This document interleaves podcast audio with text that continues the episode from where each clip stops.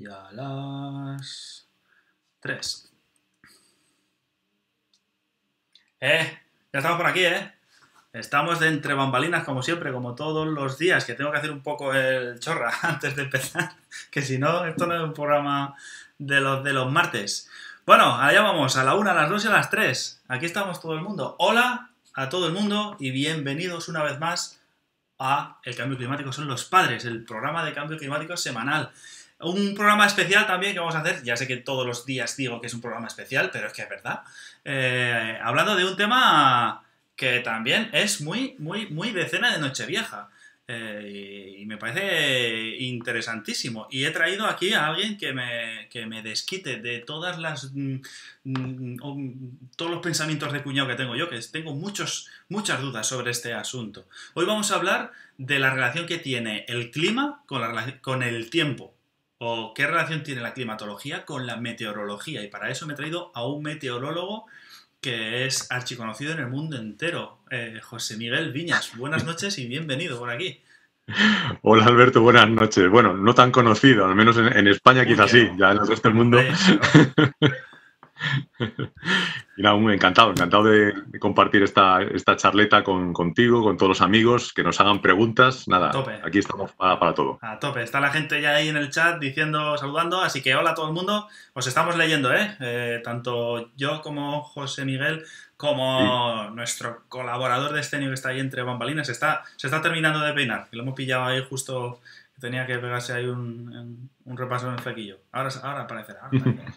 Eh, nada, lo dicho, que hola a todo el mundo, que muchas gracias por ahí, saludad por ahí por el chat, decid de dónde nos estáis viendo, por favor. Y, vamos manos a la, a la, obra, porque yo, antes de nada, José Miguel, aunque ya sabemos que eres archiconocido, bueno, por lo menos en la península ibérica, pero cuéntanos, porque tú eres meteorólogo, ¿no? Eh, cuéntanos a qué te dedicas, por favor, porque además haces un montón de cosas por ahí. Sí, bueno, efectivamente me dedico a la meteorología, eh, no tanto como meteorólogo predictor, como puede haber, eh, por ejemplo, en la, Agencia Estatal de Meteorología o en otros sitios. No hago una labor técnica porque todo lo he ido focalizando eh, hacia la divulgación. ¿no? Al final lo que hago sobre todo es divulgación no solo de la meteorología, de las ciencias atmosféricas, ahí podríamos hablar del clima, del cambio climático, que creo que vamos a hablar luego, y bueno, pues la verdad es que mi trayectoria se remonta bastante atrás en el tiempo, ¿no? Antes de la era digital, para que te hagas una idea. bueno, yo estudié mm, ciencias físicas, digamos que es la manera ortodoxa de estudiar meteorología, ¿no? Hay una especialidad, o había, ahora ya están los grados, los másteres, estas cosas, pero cuando yo estudié en la Universidad Complutense, pues había una especialidad de física del aire, o física de la Tierra y el cosmos, ¿no? Entonces, en cuarto ya elegías esa opción y en quinto te especializabas en física del aire. ¿Y qué se estudia ahí? Pues dinámica atmosférica, termodinámica de la atmósfera, eh, mecánica de fluidos, conceptos de oceanografía, en fin, todos los conceptos teóricos y técnicos para entender cómo funciona esto de la atmósfera, que es bastante complejo. Lo que no esperaba era al final trabajar en televisión, en radio, en redes sociales y en todas estas cosas que hago. Claro, que te has convertido en un esa... de, de, la meteorología, tío. bueno, ¿cómo surgió esa, esa, esa, cosa? Pues una casualidad. Yo creo que todos en nuestra vida, al final, eh, las casualidades nos van llevando por distintas vías distintas a las que teníamos inicialmente en nuestra cabeza metidas, ¿no? Como un plan de futuro. Bueno, pues a ver, cuando yo estudio físicas, porque me gusta la física, las ciencias eh, naturales y tal, pues en realidad entré en la carrera con idea de hacer astrofísica. Toma. A mí la astronomía de siempre me ha gustado. Me puedo considerar aficionado, aunque no tengo telescopio y tal, pero bueno, el mundo de la astronomía me gusta mucho. Y con esa idea entré. Pero a mitad de la carrera, pues bueno, empecé a tener interés por el tema de la atmósfera. Aparte que vi que la astrofísica era muy, muy teórica. Es decir, que esa idea romántica del astrónomo con el telescopio en la cúpula se me vino abajo. era, el era el astrofísico delante del ordenador. Empezó a ver con cálculos y tal. Ah, amigo mío. Y... No, es tan romántico entonces el asunto, ¿no? Claro. Tampoco es que sea romántica la, la, la especialidad de meteorología, porque vi muchas formulitas.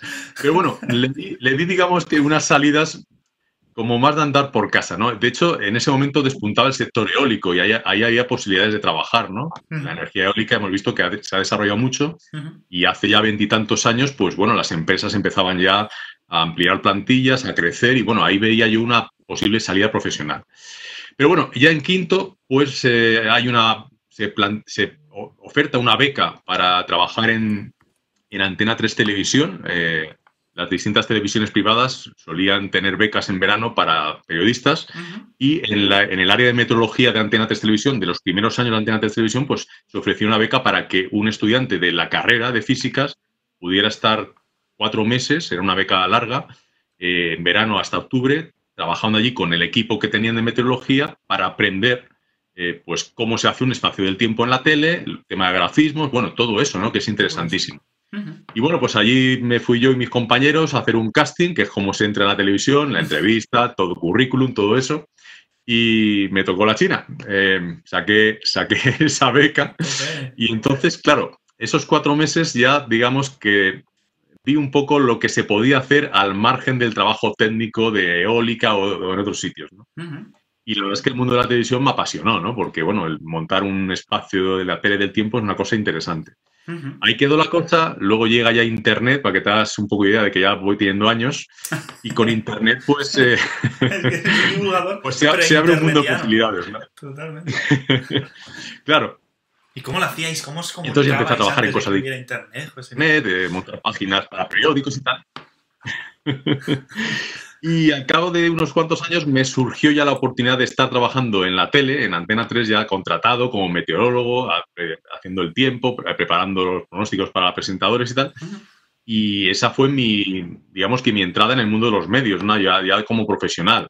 Estuve allí cinco años, por una serie de casualidades ese trabajo se terminó y ya empecé también a colaborar en radio hace 15 temporadas en, en Radio Nacional los fines de semana, un programa que ha tenido un larguísimo recorrido, a mí me ha aportado muchísimo.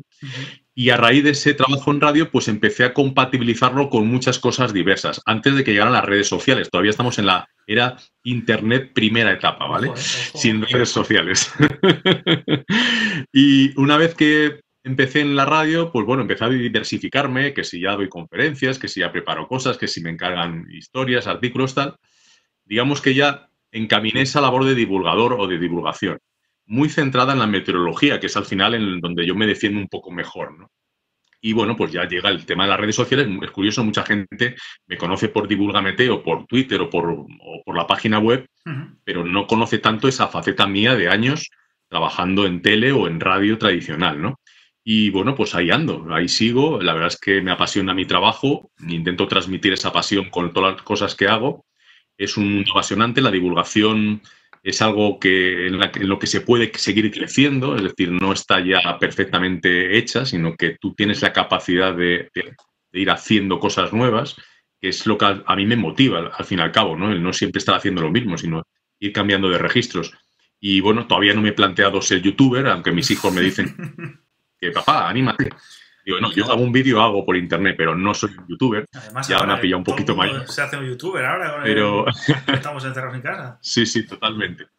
Pero bueno, el tema de redes me gusta mucho, me gusta compartir muchas cosas, eh, esa es mi filosofía, todo lo que llega a mí y me lo veo interesante, me gusta compartirlo sin restricciones y, bueno, pues ahí, estoy y encantado de hacer estas cosas, la verdad, Alberto.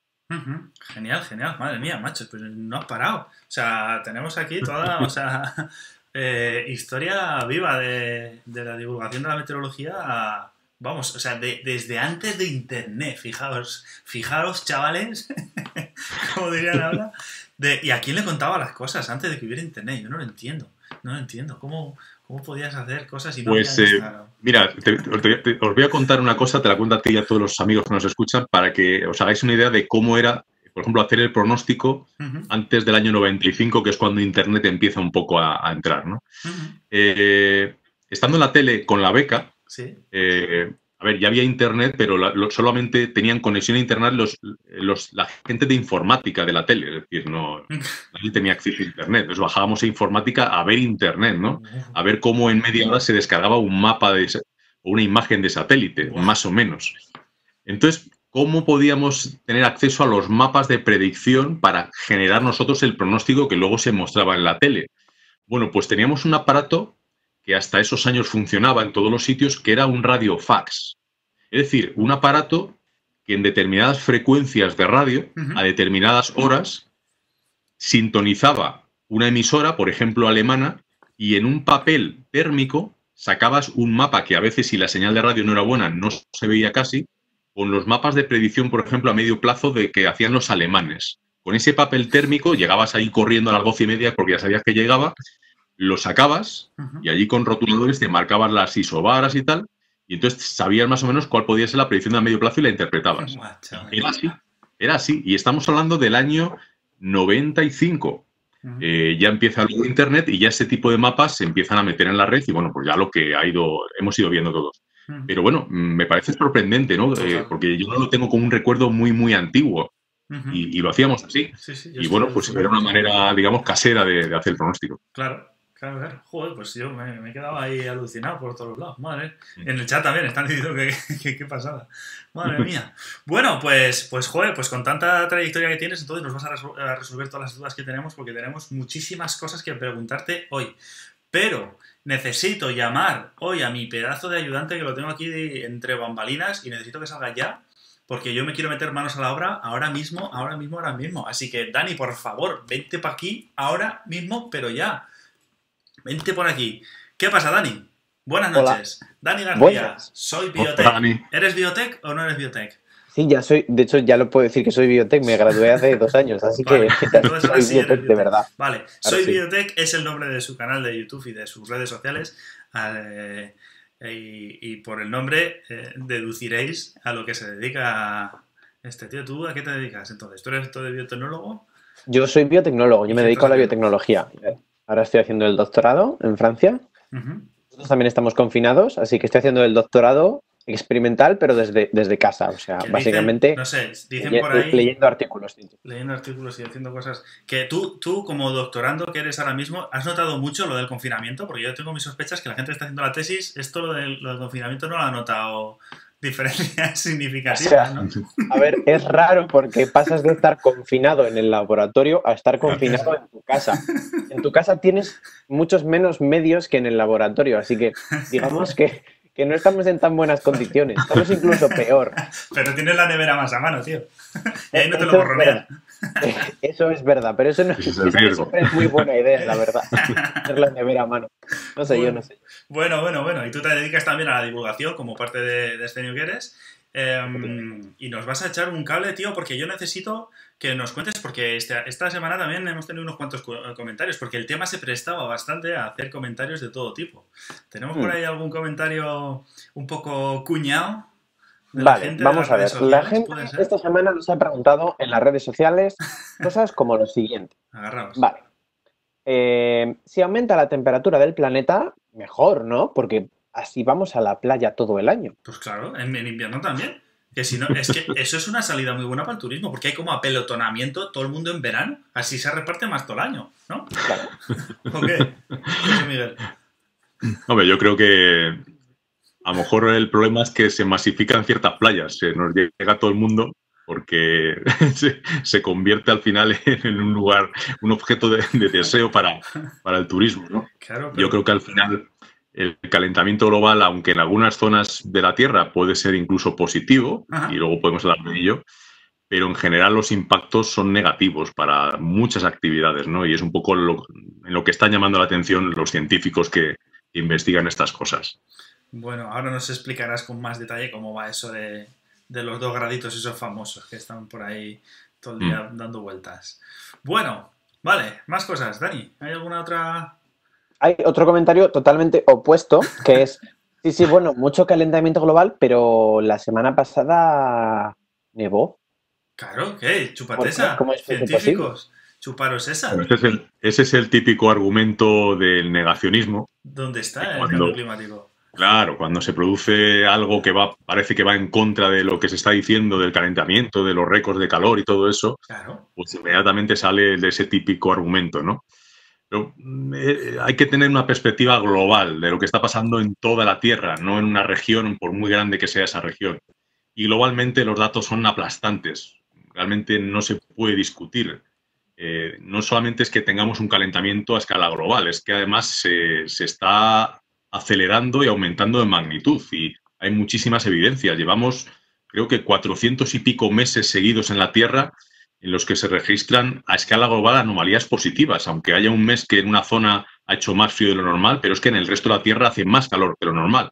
Y eso es acumulativo, ¿no? Y yo creo que lo hemos percibido claramente. Y de hecho, esos episodios aislados de, un frío extremo, incluso fuera de la época del invierno, pues también se pueden medianamente explicar por eh, las alteraciones que está habiendo a nivel de la circulación atmosférica. Es decir, que incluso le podríamos dar la vuelta al argumento y decir, bueno, esto que está pasando, ese extremo climático, eh, también tiene una explicación ligada a ese cambio climático. Así que, bueno, es, eh, un tema por está, está zanjado. Es decir, nadie puede debatir científicamente porque haya nevado en mayo en un sitio que no hay cambio climático. Claro, porque siempre hablamos de de calentamiento global, pero a la vez de cambio climático. El calentamiento global es una de las consecuencias, de las principales consecuencias del cambio climático. No simplemente que vaya a ser todo más caluroso, sino también va a haber temperaturas más extremas, tanto por arriba como por abajo. Correcto. Lo que pasa que es la, digamos, eh, hasta ahora es la manifestación del cambio climático más clara y evidente. Cuando se analizan, por ejemplo, cómo se están comportando las precipitaciones, es más complicado ver esa señal del cambio climático que evidentemente que también está ahí. Pero con la temperatura no hay duda. Es decir, eh, tú ves las curvas y bueno, se ve claramente que vamos hacia arriba desde hace ya décadas. Claro, y a lo mejor porque en los últimos años hemos conseguido, o sea, hemos aumentado como un grado, 1,3 grados eh, con respecto a la época preindustrial, ¿no? Pero claro, 1,3 grados no parece mucho, porque calentar 1,3 grados un vaso de agua, pues no, no es tan complicado. Tenemos que darnos cuenta que la Tierra, para calentar 1,3 grados la Tierra, eso es mucho calor. Es mucho calor. Y de hecho, una gran parte de ese calor mm, no está en la atmósfera, sino que lo han absorbido los océanos. Sin esa absorción, no estaríamos hablando de 1,3 grados, sino probablemente de 5 o 6. Ese calor que está en los océanos se distribuye mucho más lentamente y antes o después terminará en parte escapando también al aire. Por lo tanto, se reforzará el calentamiento global ya no en un margen de pocos años, sino de décadas o incluso siglos.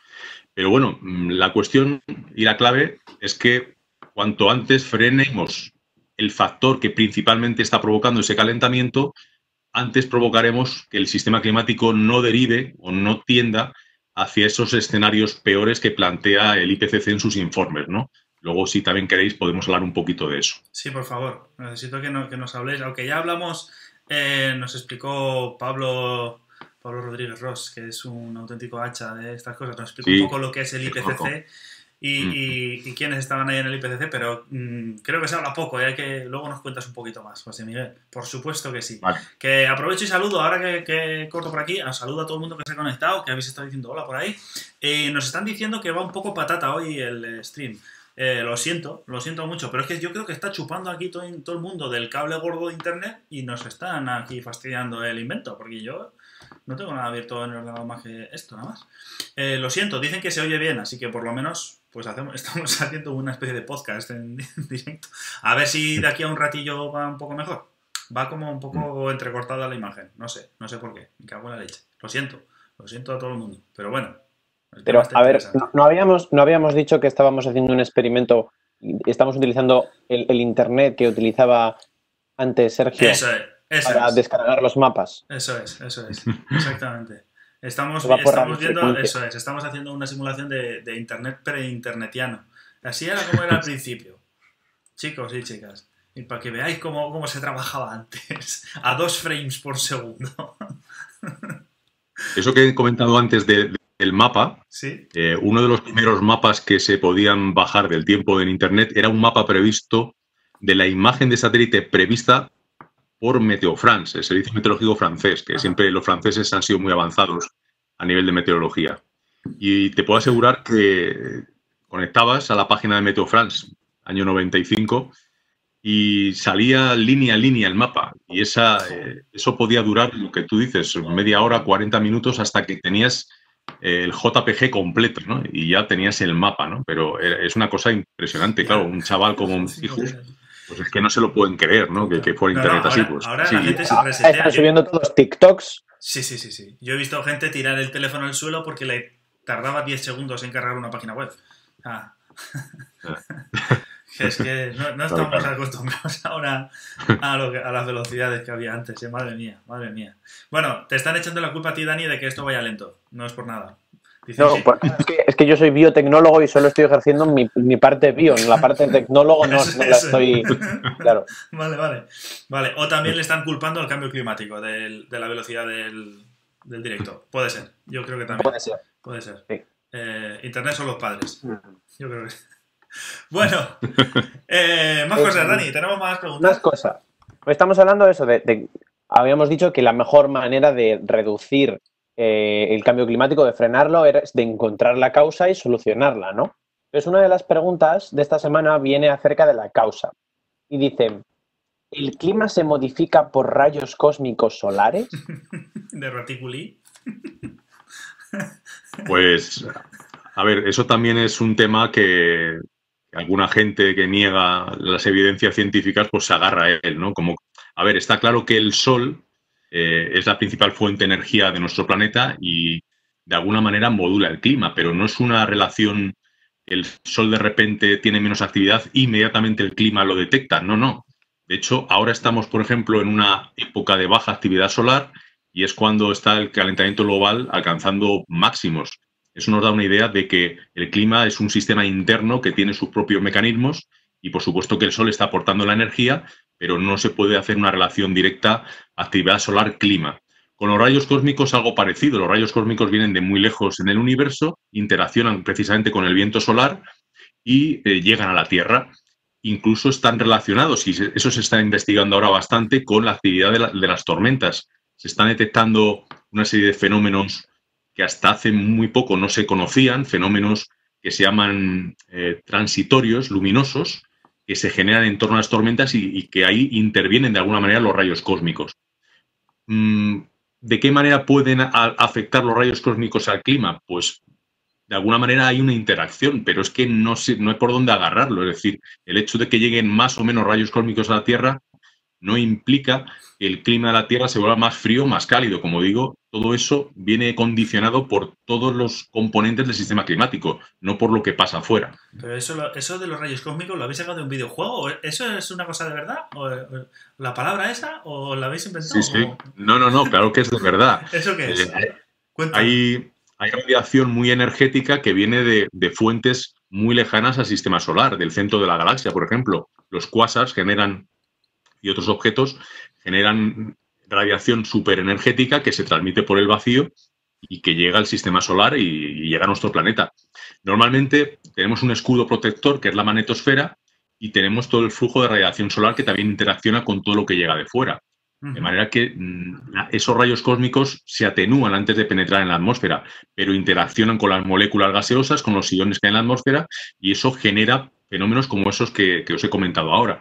Mm, pero, bueno, es un fenómeno natural que se, conoce, igual que las pulsaciones de radio que llegan del espacio, de, fuentes de radio que hay. Y bueno, eh, al final nos llega una sopa o un mix de radiaciones de todo tipo, ¿no? Y unas de ellas son los rayos cósmicos. Vale, pero yo, yo tengo una duda personal, o sea, que la verdad es una cosa que me preocupa bastante, ¿no? Sí. A ver, ¿Cuál, es, ¿Cuál es el efecto de los pedos de las vacas? El cambio Estamos hablando de causas La eterna pregunta del millón, ¿eh? Qué, qué, gran pregunta. La pregunta que nadie se atreve a hacerle a, José Miguel Viñas. Ah, porque cualquiera que haya ido a, una granja o, o, que, haya estado en contacto con estos que haya estado detrás animales, de vaca, el señor sabe, sabe, sabe lo que manejan. A ver, ¿eh? Eso sí que es radiación. Eso sí, no sé. y no es precisamente cósmica. Eso es. No, no, más, que radiación, ahí estamos hablando de metano, ¿no? Que sabéis que es un, es un gas de efecto invernadero bastante potente a nivel de absorber radiación, más incluso que el famoso CO2. Entonces, las vacas, el ganado eh, que hay por toda la Tierra, pues eh, en general todos los herbívoros, todos los animales que, que se alimentan principalmente de, vegetación, de piensos, de, hierba, todo eso, pues generan mucho metano, ¿no? Entonces, eh, se no, es denunciado, se ha, se ha, investigado incluso qué cantidad de metano genera todo, toda esa gran cantidad de animales, ¿no? Y no es una cantidad despreciable. Sí que es despreciable si tenemos en cuenta las fuentes naturales de metano que hay en la Tierra, ¿no? Y, por ejemplo, una de esas fuentes que está investigándose porque podría ir a más es el metano que está empezando a escapar por zonas hasta ahora que estaban congeladas en el norte de la Tierra, sobre todo en la zona boreal, donde hay o donde está el famoso suelo congelado o permafrost. Eh, entonces, ahí se está ahora monitorizando, se están tomando muchas medidas en la zona de Siberia, en la zona del norte de, Canadá, para ver qué cantidad de metano está escapando de la atmósfera, porque si, esa cantidad va a más, pues se potenciará el, calentamiento global. ¿no? Eh, ¿Es un anecdotado de las vacas? A ver, se está diciendo también pues, que hay que evitar que nuestro consumo de, alimentos esté tan basado en la carne, ¿no? Y va un poco por ahí, pero bueno, yo creo que no es tanto el metano, sino ese es más el modo de vida, ¿no? El, haber entrado en una dinámica de, que todos vamos por el mismo camino y todo eso tiene un impacto que al final se nota en muchas cosas. Va más por ahí que por el tema de las emisiones eh, netas de, todo el ganado mundial. Bueno, y de, hecho, probablemente lo que es la huella de carbono de la producción de carne sea ah. muchísimo más grande que simplemente el, efecto invernadero a, causa del metano específicamente. Exactamente, esa, es la clave. La alimentación, el transporte de la carne, todo el, consumo de agua, todo eso tendrá mucho más efecto que, lo que es solo el, todo el proceso el metano. al final lo que tendríamos que intentar en ese escenario ideal que se plantea pues es que, vale, no, es que haya que eliminar todo, todo el comercio global. Está claro que hay cosas que tienen que seguir yendo de unos sitios a otros de la Tierra, de alimentos, etcétera, pero no eh, como se ha estado haciendo hasta ahora. Es decir, hay que intentar que cada zona, región, país se autoabastezca de cosas básicas sin necesidad de que vengan del otro extremo del mundo. Esto de, de tener la posibilidad de comer kiwis en todo momento porque Nueva Zelanda los está exportando o naranjas cuando no hay en España, traerlas de Chile y que tengas siempre naranjas, pues, pues bueno, es una cosa de la que nos hemos acostumbrado por lo que vemos en los supermercados, pero lo que dices tú, la huella de carbono es tremenda, ¿no? Y eso al final se va notando en la temperatura global, emisiones, etcétera.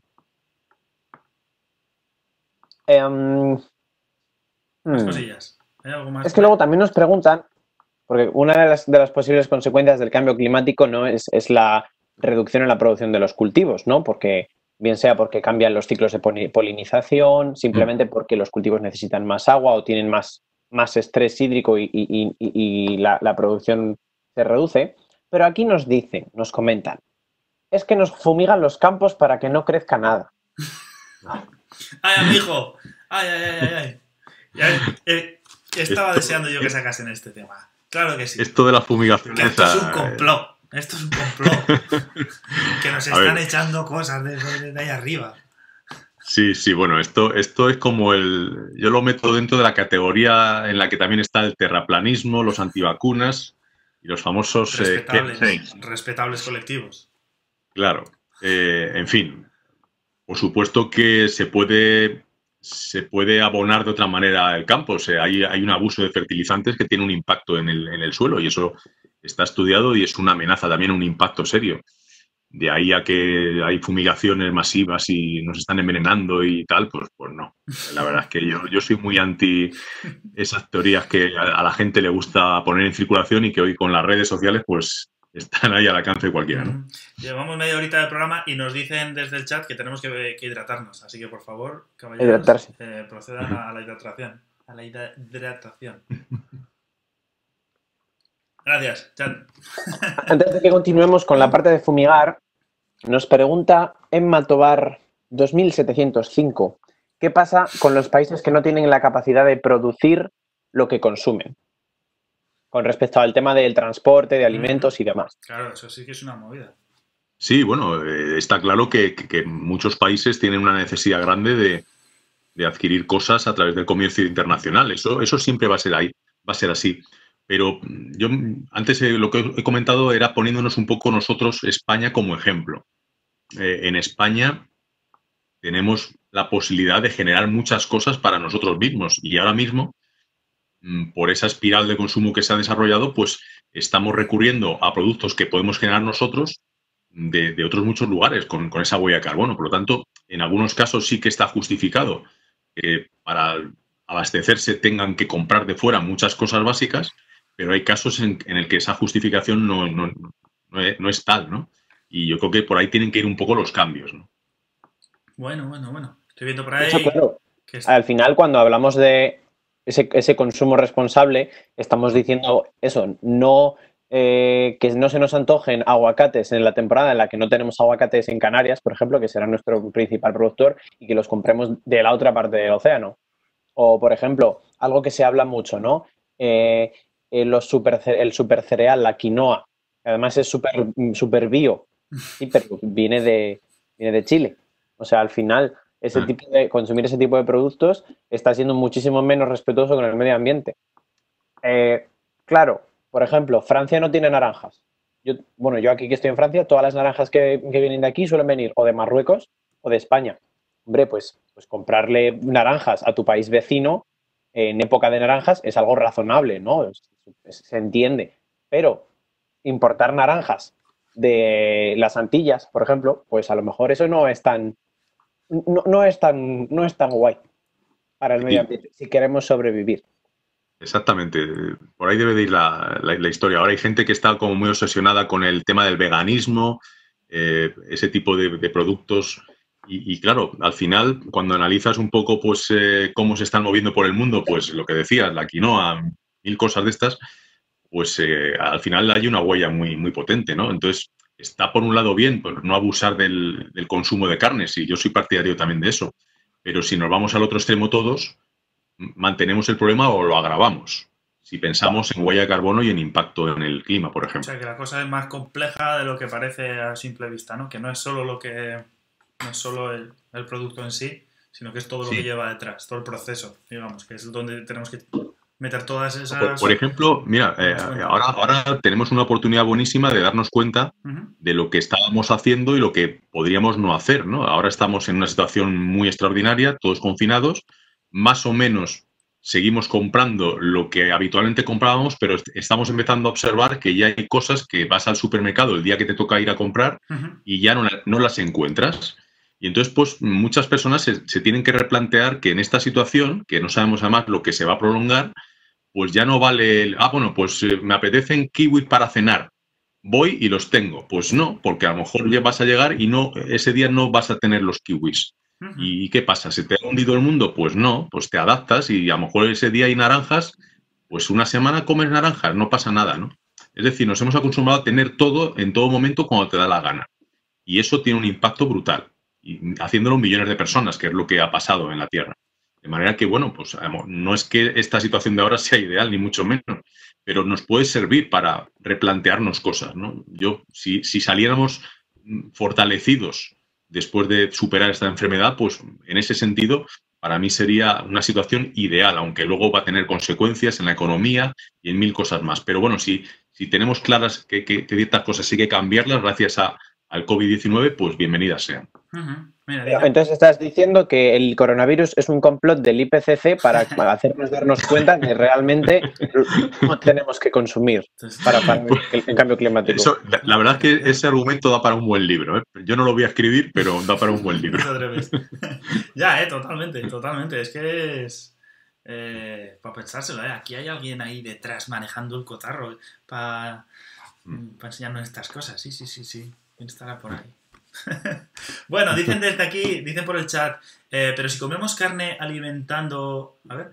eh, carne alimentada en gran medida con soja monsoy traído de Argentina, estamos en las mismas, ¿no? O sea, siguiendo un poco. eh, Sí, el- Ahí, ahí entramos, ahí entramos en un nuevo problema y es que mm, se está, por ejemplo, deforestando una gran parte de, de superficie que hasta hace poco era arbolada precisamente para tener terrenos para producir el alimento para ese ganado. Eh, de manera que eso, al final, esos cambios de suelo tienen una implicación en el balance de energía terrestre, tema de emisiones, tema de radiación reflejada absorbida. Eh, como estamos hablando de muchas hectáreas, miles, millones de hectáreas en todo el mundo que están cambiando su uso de suelo, pues al final ese impacto llega también por ahí. Por lo tanto, hay que atajar el problema de muchas formas, no solamente con una medida, ¿no? Y bueno, estamos sacando algunas de ellas, ¿no? Eh, uno de los argumentos, no sé quién lo ha comentado en el chat, pero bueno, sim- simplemente lo, lo respondo yo rápidamente. El problema es que para alimentar una vaca y que te dé un filete,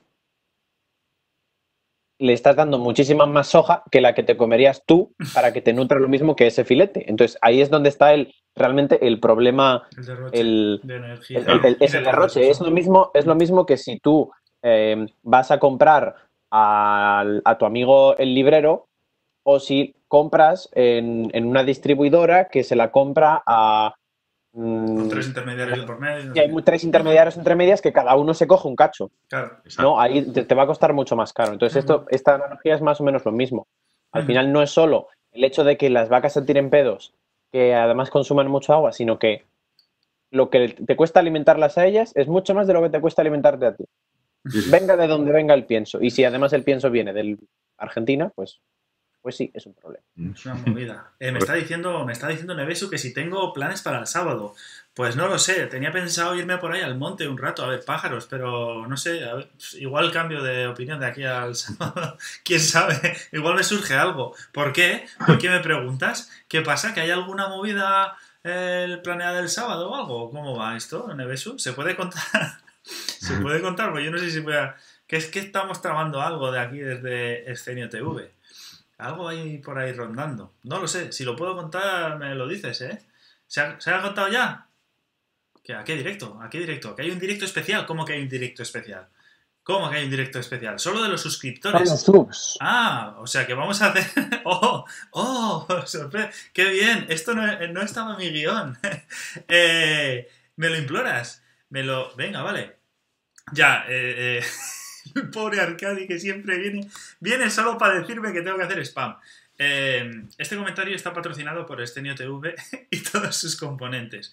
Tenemos un sistema de afiliación en el que os podéis hacer suscriptores, eh, o bien eh, pagando vosotros una suscripción reducida por un módico precio, o bien como con vuestra cuenta de Amazon Prime, que esa es totalmente gratuita y simplemente si tenéis una cuenta en Amazon Prime la asociáis aquí a Twitch y eh, a nosotros nos viene requete bien porque nos ayuda a mejorar los contenidos y ahí está. A, a veces le echamos una monedilla a Dani también y nos hace la estatua, como los que están ahí en, en los monumentos los famosos.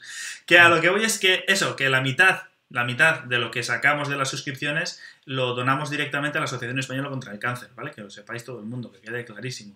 Y el resto lo invertimos en mejorar un poco la infraestructura lo que no se ve, que aquí solo nos veis aquí echándonos jajas, pero luego el resto de la semana estamos ahí eh, picando piedra. Bueno, yo no. El resto de los programas sí, que lo hacen mucho mejor que yo. Yo soy un cuñado aquí del libro. Pero bueno, Bueno, de hecho, los, los lunes en Ciencia al Cubo pican piedra. literalmente pican piedra, es verdad. Los lunes, eh, los que juegan al Minecraft están ahí picando piedra y hablando de ciencia. Eso es, eso es. Porque tú, eh, te cuento un poco, José Miguel, aprovechando que estás por aquí, esto es, es que esto es un proyecto colaborativo, esto en realidad no es solo mi programa, sino que esto es un programa, esto es un, sí, algo conjunto en el que eh, todos los días, de momento, eh, bueno, no sé si se puede decir, pero ya tenemos eh, entre semana, tenemos programas de ciencia todos los días. Eh, y cada día es un tema diferente y un formato distinto y mola bastante. Entonces, hoy, por ejemplo, estamos hablando de cambio climático, pero los lunes hay otras cosas, los martes otra, los miércoles otra, los jueves otra y próximamente en sus pantallas el sábado va a haber un directo para los suscriptores. Entonces, lo de los suscriptores, ¿cómo va? ¿Cómo va, Nevesu? Em, cuéntanos, es solo para la gente que ya está suscrita, ¿no? O quienes den... o quienes estén a tiempo de suscribirse a lo largo de esta semana también, ¿no? Vamos a hacer un, un directo. ¿Quiénes? Cuéntanos, por favor. Escríbenos en el chat. Cuéntanos. bueno, ya está, ya está. Que, que patrocinado ya. Hasta aquí el patrocinio, por favor, disculpad. Que no sé, no sé dónde estábamos. Que estábamos hablando. Ah, bueno, sí, de lo que cuesta, de, lo- de las etapas que tiene. De los distintos escalones, que es la diferencia entre comer soja y comer. eh, El filete. el filete, la otra. filete. Es soja de tercer grado, que es ya soja con forma de vaca. bueno, vale, pues nada, em, seguimos entonces. Dani, ¿hay alguna otra pregunta así un poco cuñada? ¿O podemos Otra relacia- relacionada con el tema de los de, del- de fumigar. Dicen, es que claro, como fumigan el cielo para que no llueva, pues por eso aparecen los chemtrails. Ay, ay, ay, es que los chemtrails son una movida muy importante, ¿eh? que se le da poca, poca importancia, se le da a eso. ¿eh? Sí, bueno, esto viene ya también desde hace muchos años, no es una cosa tan de ahora. Lo que pasa es que desde que hay redes sociales, pues bueno, está circulando mucho más, ¿no? Y, bueno, pues hay, gente que tiene esa cosa en la cabeza. ¿Qué son los chemtrails? Por favor, José Miguel, cuéntanos qué son los chemtrails, por favor. Bueno, vamos a empezar eh, rápidamente explicando eh, qué son primero los contrails, que es el fenómeno real, que son eh, las estelas blancas que vemos que a veces dejan los aviones a su paso. Vemos que a veces Incluso el cielo se llena de estelas, se enmaraña, y otras veces pasa un avión y a lo mejor deja una pequeña estela que rápidamente desaparece. Bueno, ¿qué son esas estelas? Vamos a explicar primero el fenómeno físico de lo que realmente ocurre. A ver, los aviones eh, comerciales, los vuelos comerciales, pues son aviones que tienen motores de combustión y el motor de combustión pues se expulsa por las toberas de esos motores, eh, entre otras cosas, principalmente vapor de agua a muy alta temperatura. ¿Qué ocurre? Que a la, altitud de crucero de un avión convencional, cuando está volando arriba, pues estamos hablando de 30.000 pies, de 8 o 9 kilómetros de altitud. A, esas altitudes en la atmósfera las temperaturas son muy bajas. Seguro que alguna vez que habéis ido en avión han dado el dato de la temperatura exterior es de 52 grados bajo cero, por ejemplo. Cuando habéis sacado la cabeza por la ventanilla en el avión. Bueno, eso es peligroso, eso es peligroso. Pero bueno, que ahí arriba hace mucho frío, ¿no? Donde vuelan los aviones eh, en, su, en su vuelo, en su altitud de crucero. De manera que hace tanto frío que ese vapor de agua expulsado a muchos grados de los motores, en cuestión de unas pocas eh, décimas de segundo, se sublima y se congela y se forman de forma instantánea cristalitos de hielo es la estela que vemos. El hielo refleja mucho la luz y por eso las estelas son tan blancas. Esas estelas, en ese ambiente tan frío de ahí arriba, pueden desaparecer si no encuentran más vapor de agua ambiental allí. Y a veces el aire está tan seco ahí arriba que no hay vapor de agua suficiente para que las estelas se mantengan y rápidamente se disipan. Pero ocurre a veces que el ambiente es ligeramente húmedo ahí arriba y las estelas no se disipan e incluso se ensanchan y es eh, las veces que vemos en el cielo que se quedan marcadas, incluso ensanchadas, ¿vale? Cristales de hielo, no hay más. Y algunas partículas de la combustión del avión, porque igual que el coche, pues eh, eh, suelta algunas partículas, pero ni mucho menos productos químicos que nos van a intoxicar, fumigar, etcétera, etcétera. El hecho de que a veces veamos más o menos estelas depende de las condiciones ambientales que haya. En invierno es más habitual porque el aire está más frío, entonces suelen dejar los aviones más marcadas las estelas. En verano puede ocurrir también, pero es menos frecuente. Pero no es que haya nadie que está intentando fumigarnos con esas estelas. Entonces, la, gente que tiene esa paranoia o esa idea en la cabeza habla no de contrails o, o estelas de condensación, sino de chemtrails o estelas químicas. Y el argumento es que esos aviones en realidad están soltando esos productos tóxicos para envenenar los campos y hacer un experimento a escala global con todos nosotros, mutándonos los genes, etcétera, etcétera, etcétera. En fin, un disparate, esto no va a ningún sitio. La gente que crea en eso, pues que crea, pero vamos, desde el punto de vista científico, lo he intentado contar para que se entienda. Cristalitos de hielo, señores, no hay nada más. Bueno, bueno, bueno, bueno.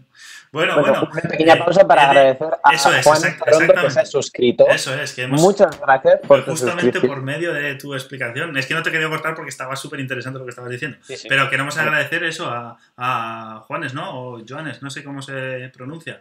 Eh, muchísimas gracias que se ha suscrito, que tenemos un nuevo suscriptor, por favor. Muchísimas gracias ahí, a tope, a tope. Ha quemado el chat ahí, todo el mundo a poner emotes. Ponedle otros emotes, por favor, ahora. Bueno, que, muchas gracias. Que hablamos de aviones y, y estas cosas. Yo me acuerdo, es un recuerdo muy difuso, de una película que vi hace tiempo, mucho tiempo, que eran como, o sea, señores del ejército estadounidense, como todos los buenos señores que hacen cosas guays en pelis, que cogían un caza y se metían en el, en el, en el ojo de un huracán y tiraban no sé qué movida para, para frenar los huracanes. ¿Eso eh, tiene alguna base científica o...? No sé si, sabes de qué película hablo. Yo es que no tengo ni idea de cuál era el título. Sí, bueno, eh, no, no, sé qué película es, pero esa historia de, bombardear nubes para que llueva o no llueva o, no haya una tormenta, eh, también tiene una historieta detrás que si queréis os la cuento. A ver, bueno, por un lado, si, pensamos en, si pensamos en huracanes, que la temporada de los huracanes, a ver, bueno, por, aclarar, yo soy muy de muy picajoso con los conceptos.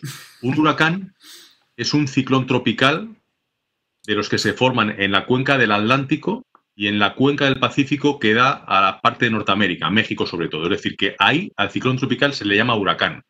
Pero es el mismo fenómeno que los famosos tifones del Índico o los ciclones de, perdón, tifones del Pacífico o los ciclones del Índico. Son ciclones tropicales, pero dependiendo de las zonas de la Tierra se llaman de una manera o de otra. Parece que, estás diciendo, eh, que estás diciendo la liga de equipos de rugby de, de Nueva Zelanda, tío. Tal cual. Los tifones de Japón. bueno, a lo que voy. Perdón, perdón, Entonces, eh, claro, cuando se forma un, huracán de estos que veis que a veces pues, se va para el Caribe e incluso afecta a Estados Unidos, en el, momento en el que ya se ha formado, porque ya hay datos que apuntan a que es huracán, parámetros del viento, de la presión, etcétera, pues una de las cosas que se hace es, hay una patrulla de caza huracanes, se llama así, que pertenece a la NOAA de Estados Unidos, y de manera coordinada esos aviones hacen trayectos por dentro del ojo del huracán y las paredes para tomar medidas y esos datos se, ahora mismo se integran en los modelos que permiten hacer predicción a muy corto plazo para saber si ese huracán en las próximas horas va a debilitarse o va a intensificarse. Es decir, que se toman datos in situ dentro de los huracanes por parte de esos aviones. Eso por un lado.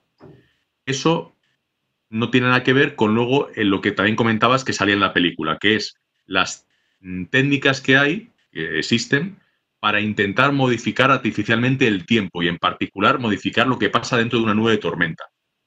Entonces, habréis escuchado sobre hablar del yoduro de plata.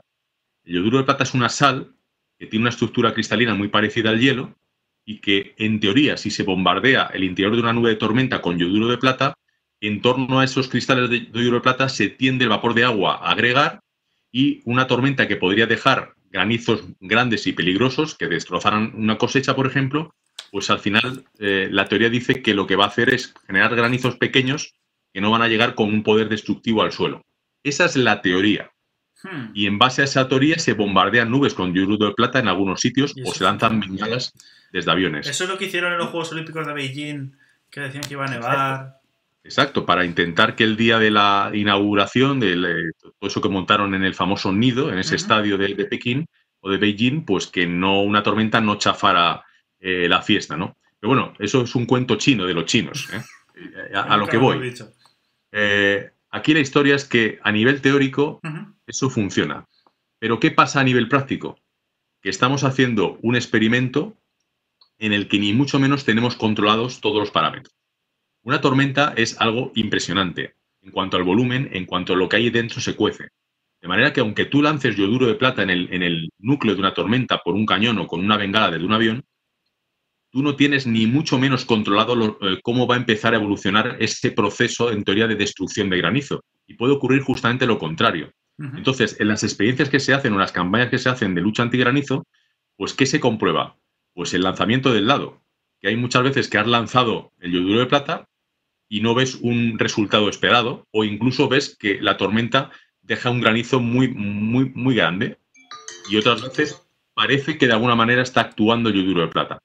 Cuando unas veces sí y otras veces no, pues eh, eso es como decir que no estás haciendo nada. No estás realmente alterando de manera estadística y significativa lo que pasa dentro de la tormenta. Por lo tanto, son técnicas que se usan, los la gente en Israel lo usa bastante, los chinos han invertido mucho en eso, pero no hay resultados concluyentes. Estamos en torno del 50%. Cuando tú lanzas 100 cañones con yoduro de plata y 60 veces sí y 40 no, ¿es una técnica consolidada? Pues no.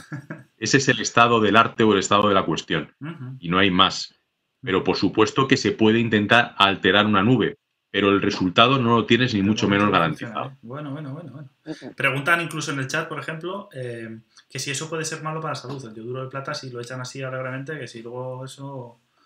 Eh, bueno, de hecho, eh, cuando empezaron estas campañas, el uso se, se, masificó mucho en la antigua URSS, lo que hoy es Rusia, o parte de, la antigua URSS, y, sí que se empezó a detectar en los suelos de algunos campos de cultivo de, de aquel país eh, unas concentraciones demasiado altas, pero porque inicialmente se bombardeaba a ciegas y a cañonazos, literalmente. Hoy en día los los cañones de yodo de plata son mucho más selectivos, las cantidades no son tan grandes y hay técnicas que permiten introducirlo mejor dentro de la nube.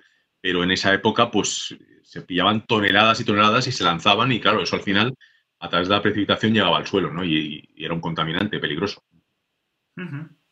Dice, mira, qué pregunta más interesante dice Arcadi. He leído que, que sí se puede estimular que caigan rayos, ¿es verdad?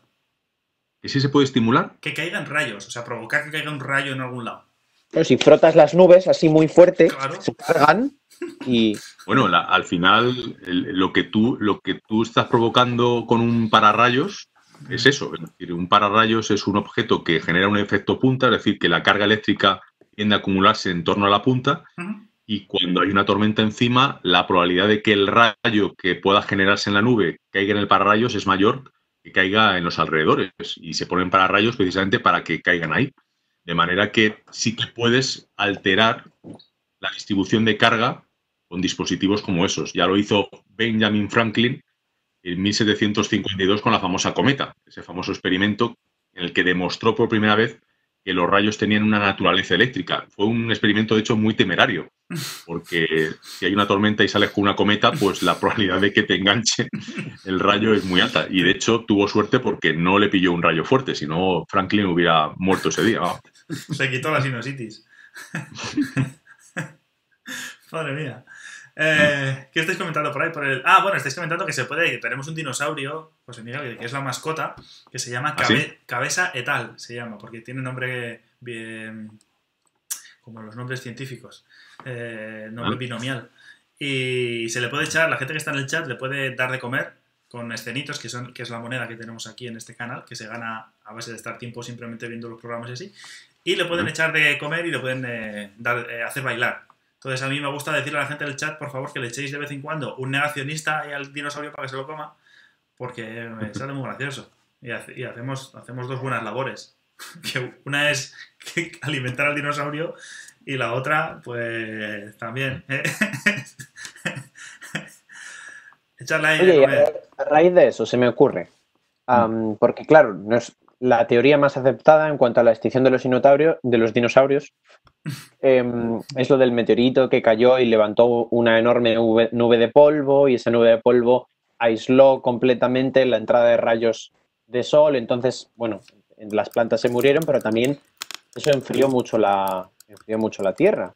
Entonces, ¿podríamos frenar el cambio climático con una especie de invierno nuclear como este?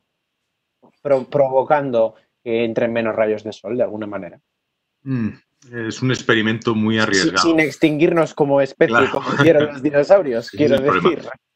Por cierto, es verdad que esa teoría lleva ya muchos años, desde que los hermanos Álvarez descubrieron la famosa traza sedimentaria de iridio, que no había manera de justificar, salvo que un meteorito que tenía ese metal dejara esa marca justamente en un estrato geológico, y eso se detectó en distintos lugares del mundo, y digamos que es la principal prueba de peso de que una, un impacto de un gran meteorito que, cuyo cráter se sabe que está en la zona de Yucatán, eh, submarino, y, en principio se relacionó la extinción de los dinosaurios con ese, ese cataclismo, ese impacto meteórico. Pero en los últimos tiempos, y cuando hablo de últimos tiempos hablo de estos últimos meses, se están publicando algunos trabajos que apuntan a que no solamente fue esa la causa de la extinción masiva de mamíferos, en particular de los, de los dinosaurios, sino que fue también una, época de una gran actividad volcánica.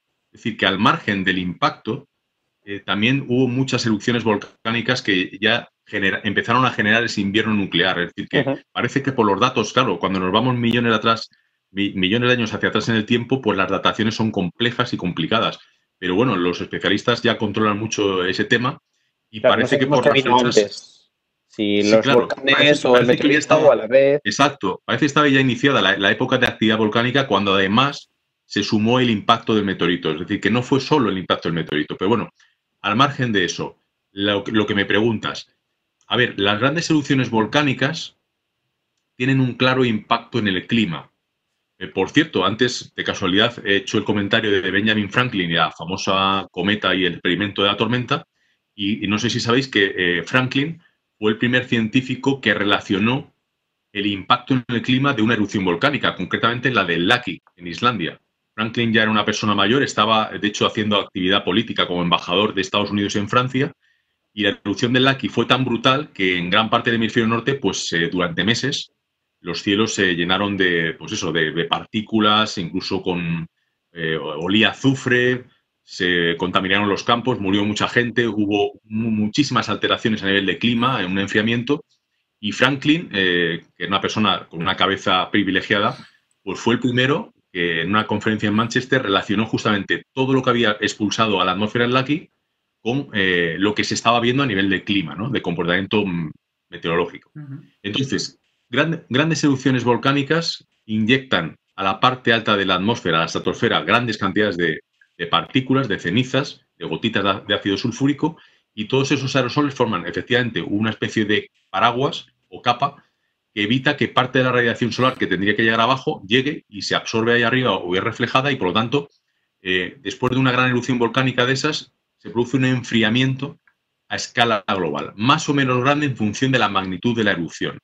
Las históricas, la famosa Krakatoa de 1883, la famosa del Tambora de 1815, se sabe por datos que provocaron durante más de dos años después de esas erupciones enfriamientos a escala global muy significativos, mayores que el calentamiento que estamos teniendo ahora, de signo contrario. Por lo tanto, un invierno nuclear de esa manera sí que, eh, perdón, un invierno volcánico sí que provocaría un enfriamiento. ¿Qué ocurre?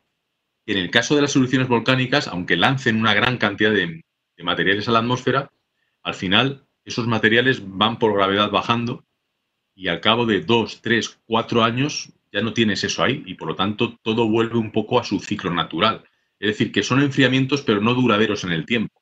Si ahora mismo un volcán entrara en erupción a lo bestia, como el, Krakatoa, pues lógicamente eso se reflejaría en que la temperatura global bajaría. Pero esa bajada no se mantendría ya y no y aunque siguiéramos digamos que nosotros con nuestra normal actividad, no la de ahora, sino la de antes, pues la temperatura volvería a repuntar y volveríamos otra vez a, la famosa curva que va hacia arriba. Pero se notaría a lo mejor durante dos o tres años que hay una bajada, es decir, que no sería una solución a, a medio largo plazo. Y luego estaría el tema del impacto, o sea, el generar artificialmente es lo que se llama la geoingeniería, una cosa de ese tipo, pues tendría también un impacto. O sea, cuando, eh, cuando estalló el, eh, entró en erupción el Lucky, murió mucha gente en Europa, porque lo que os digo, o sea, el aire estaba viciado de contaminación. En Irlanda se, produjo la famosa crisis que les dejó prácticamente sin, sin agricultura. En fin, al final es el impacto negativo el que predomina sobre el positivo, porque sería la bajada de la temperatura. Estoy enrollando mucho, ¿eh? Me tienes que cortar. No, no, no, no. Es que está súper interesante. Nos quedamos todos ahí como embobados, tío. Es la idea de, tener a un invitado. La idea es que no hablemos nosotros. Yo he venido aquí a leer el chat. Ahí está, ahí está. Que esto tiene, esto tiene que ver con lo que está pasando ahora mismo, eh, José Miguel. Mm, relacionado, o sea, que hay como también un poco de, no sé si revuelo o así como movimiento en las redes sociales de la gente que está diciendo que ahora que, claro, obviamente, como estamos encerrados y están cayendo en picado las emisiones de, gases de efecto invernadero, por ejemplo, estamos liberando a la atmósfera mucho menos dióxido de carbono y otros gases de efecto invernadero, con lo cual esto, se tiene, esto tiene que ser bueno para el cambio climático, no me digas tú, ¿no? Sí, bueno, el... para el agua. Yo creo que la, clave estará en, en, lo que dure esta situación. Si, si, es una situación muy duradera, que por supuesto que conllevará una serie de cosas que yo creo que no son nada buenas para nuestra sociedad, pero bueno, si fuera muy duradera esta situación, meses manteniendo bajas emisiones de contaminantes, de gases invernadero, de partículas, pues está claro que ya la señal en el, en el, clima quedaría muy, muy reflejada y asentada. Pero si dentro de dos tres meses empezamos otra vez a mover la maquinaria a nivel, a nivel global, mm, lo que eso se refleje en el CO2, por ejemplo, que se mide lejos de las fuentes emisoras, eh, ya sabéis, ahí en Hawái o, en Canarias, en Nizaña, probablemente haya una pequeña suavización de la curva de ascenso, pero va a seguir subiendo. Es decir, que al final eh, las fuentes siguen existiendo, aunque hayamos parado en parte la actividad, porque tampoco la hemos parado a cero. Es decir, se siguen generando muchas cosas para la alimentación, de lo que hemos hablado antes, que genera eh, emisiones y eso no se ha parado. ¿no? De manera que, bueno, yo creo que al final es mejor que esta situación vuelva pronto a la normalidad. Creo que al final sería lo positivo para, nuestra sociedad, aunque al final eso no tenga un impacto muy claro en, el clima o en el cambio climático. O sea que es como demasiado poco tiempo, ha pasado demasiado poco tiempo sin emisiones como para que eso a largo plazo se acabe manteniendo. Claro, eh, en lo que sí que se ha notado, eh, y eso es muy beneficioso para los que vivimos en grandes ciudades, es en la contaminación, la polución que genera el tráfico principalmente de las ciudades. Tanto gases como los famosos NOx eh, o el NO2, eh, como partículas. Eh, cuando habréis visto estas imágenes que son datos de satélite, primero pasó en China, hubo una evolución brutal, luego se ha visto en Italia, se ha visto en nuestro país, ahora se está viendo en otros países. y además se percibe, es decir, yo vivo en Madrid y el aire de Madrid está claramente limpio cosa que puede ocurrir a veces por la situación meteorológica favorable, pero no es lo habitual. Lo normal es que en una gran ciudad pues esté constantemente el trajín de coches generando polución, Y eso es una cosa buena para los, los habitantes que, estamos en una gran ciudad. Y ya, no solo es que se note, ya no es una cosa de percepción, sino que está, ha salido datos y todo publicados de que ha bajado... sí, sí, sí, no, hay, además eh, Ahora la, investigación, claro, sobre todo la del coronavirus, el COVID-19 es frenética, ¿no? Pero, bueno, a nivel ambiental se están también estudiando muchas cosas porque esto al final es un experimento. Es una cosa que nos ha llegado y que se está produciendo en todo el mundo. Entonces, es interesante ver cómo el sistema terrestre o el sistema climático va a ir respondiendo a este experimento, que ya veremos lo que dura, como decimos, ¿no? me, has, me, has, contado dos cosas y ahora me has, me has hecho el lío. Me, has, me, caché la mar, iba a decir otra cosa. Eh, me has hecho el lío, porque entonces me estás diciendo que, la, que eh, cuando dices emisiones, emisiones no es lo mismo las emisiones del cambio climático que las, que las emisiones de la contaminación. ¿Son cosas distintas? ¿Esto cómo va? sí, sí, no, no, claro. A ver, por supuesto que son cosas que están relacionadas, que no podemos desvincular contaminación atmosférica de gases de efecto invernadero pero son cosas que van por dos vías o caminos diferentes. Es decir, el impacto, el impacto a nivel de calentamiento global viene sobre todo dado por la emisión de gases de efecto invernadero. ¿Y eso no son los que son malos para, la salud? Bueno, eh, digamos que si, si, tú entras en un ambiente viciado de CO2 es malo para tu salud. Las 400 o, o 500 partes por millón que puede haber en la atmósfera, puedes respirar sin problemas. El problema es que eso está provocando la subida de la temperatura global, que eso ya luego tiene otra serie de impactos. Ah, Pero digamos que no es un impacto directo en tu salud como la contaminación de una ciudad. eso sí, eso, eso, sí que está directamente afectándote. Lo estás respirando todos los días. Y de hecho, cada vez hay más estudios que relacionan pues, eh, distintas patologías o enfermedades con, con, altos niveles de contaminación. De hecho, ha salido publicado hace poco uno, que no sé si lo habéis leído, que relaciona en Estados Unidos los casos más graves de muerte por, por, eh, COVID-19 con eh, largas exposiciones a, contaminación de partículas finas, las más pequeñitas que son las que penetran más en nuestro cuerpo.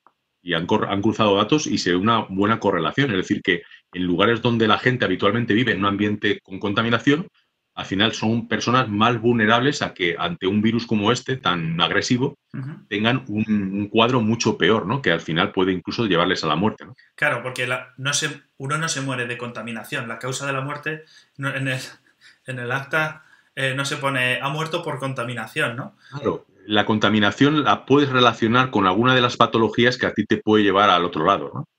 Pero, por ejemplo, si hay una persona que ya tiene de por sí un problema de respiratorio como un asmático, pues si vive en un ambiente contaminado va a vivir menos años seguro que si vive en una zona donde no tiene todas esas partículas que está inhalando constantemente. por, ahí, por ahí es donde sí que puedes establecer esa relación entre mortalidad y elevados índices de contaminación. Vale, vale, o sea que ya, ya, me ha quedado claro. Entonces son dos cosas. Están las emisiones de efecto invernadero, que son lo que calienta el planeta, y luego las emisiones contaminantes, que es lo que echa porquería y, y nos puede afectar a la salud por otro lado, ¿no? Aunque, aunque, joder, las dos cosas vienen de quemar cosas, ¿no? O sea, están como relacionadas. Sí, sí, no, no. Y de, y de hecho hay interacciones. Eh, los aerosoles, los aerosoles son pues esas partículas no solo que originamos nosotros, sino que se originan en la naturaleza, interaccionan a nivel de radiación con, otros elementos que hay en, nuestro planeta. Entonces, eh, interaccionan en los procesos que dan lugar a las nubes y a la precipitación en un ambiente muy contaminado, esas partículas se incorporan al aire y del aire pueden pasar, a lo que te digo, a las gotas de lluvia que te deja la precipitación, de manera que esas interacciones existen. Es más complicado el, sacar eh, o el deducir cosas a partir de la contaminación. Igual que con los gases invernaderos es muy sencillo porque a más CO2 en, la atmósfera a nivel global, más temperatura, clarísimo, relación directa con la contaminación y cómo se distribuya y dónde hay más, dónde hay menos, es más complejo establecer ese tipo de relaciones, pero existen, está claro. A mí lo que me queda más o menos claro de, esto que hablamos de la contaminación y el cambio climático es que si no nos mata la contaminación, nos matará la extinción por el cambio climático. o sea, lo, si lo que no nos mata, nos remata al final. Bueno, tampoco hay que ver el cambio climático como que nos va a matar, aunque hay unas proyecciones que no son muy halagüeñas, ¿no? Pero yo creo que hay que verlo como una oportunidad de cambiar muchas cosas. A lo mejor no sabemos hacerlo, hemos evolucionado como lo hemos hecho porque no sabemos hacerlo de otra manera. Y por eso al final llevamos 30 años hablando de cambio climático y parece que hemos hecho muy pocos avances, porque la sociedad tiene unas inercias, evolucionamos, crecemos de determinadas formas y, y a lo mejor pues somos así. Y llegamos a la conclusión de que por mucho que queramos no vamos a poder cambiar ciertas cosas. Como la, historia esa del escorpión y la tortuga, que al final que le, estaba pasando, había una tortuga y un escorpión en una orilla de un río y el escorpión le pidió a la tortuga que le pasara al otro lado y la tortuga le decía, eh, no, porque me vas a picar, que no soy tonta. Ah.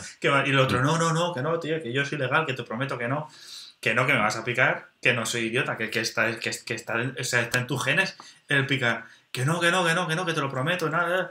Total, que al final se lo jura y se lo perjura y a mitad del río, se sube a la tortuga y a mitad del río coge y le pica y a tomar por saco. Y se va y, y, claro, en, así en las últimas la tortuga dice, pero tío, pero ¿qué has hecho, desgraciado? Dice, cago en sos, que es que me ha podido el carácter. pues nosotros somos igual, ¿no? y se, van, los, y van los dos a, eso, al otro barrio, sí, sí, se hunde. Con Bob Esponja. Como, sí, al fondo. de la piña. Pues nosotros igual, ¿no? Como, como humanidad igual, como grupo somos un poco parecidos. Y por eso decía antes, hace un rato, que, ojalá salgamos reforzados de esta situación que estamos viviendo, porque nos replanteemos cosas, que seamos capaces de replantearlas y de reconducirlas, ¿no? Sería ideal. Y es un poco lo que al final la gente que está metida en, en, las cumbres del clima y tal, seguramente van a demandar eso, ¿no? Que cuando todo más o menos se normalice, esperemos que pronto, pues mm, se retomen de otra manera las negociaciones de reducción de emisiones y tal, con planteamientos un poco más directos o distintos a los que ha habido hasta ahora. Ahora que sacas el tema famoso de las cumbres, que ya creo que es, tan amplio como para dedicarle un programa entero, pero mm. em, hablando de la última famosa esta de Chile que se hizo en Madrid y tal, no sé qué, que hablaban mucho de los acuerdos esos de París, que no sé qué movidas, de que sí, que no podía subir dos grados, eh, o no sé qué. A ver, total, ¿qué, se, han dicho los científicos? Que el planeta no puede subir dos grados, porque si no nos vamos todos al carajo. Pero yo no soy... Pero yo en verano, tío, si hace 31 grados o si hace 33, yo no lo noto. ¿Qué va? ¿Cómo va? Bueno, esos dos grados son la escala global, lo que antes que parece que se comentaba, ¿no? Que, dos grados a nivel de la Tierra no es, no es moco o sea, no es, no es que en verano en vez de hacer 32 haga 34. No, no, claro, un día normal.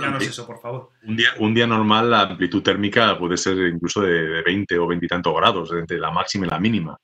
Pero eso no, eso no tiene nada que ver con lo otro. Es decir, eh, los científicos han, dado un toque porque han comprobado por distintos estudios e investigaciones que si se llega a ese umbral, va a haber una serie de procesos que seguramente van a ser irreversibles, por más que intentemos reducir y lo consigamos las emisiones. Entonces, es como un punto de no retorno de cosas.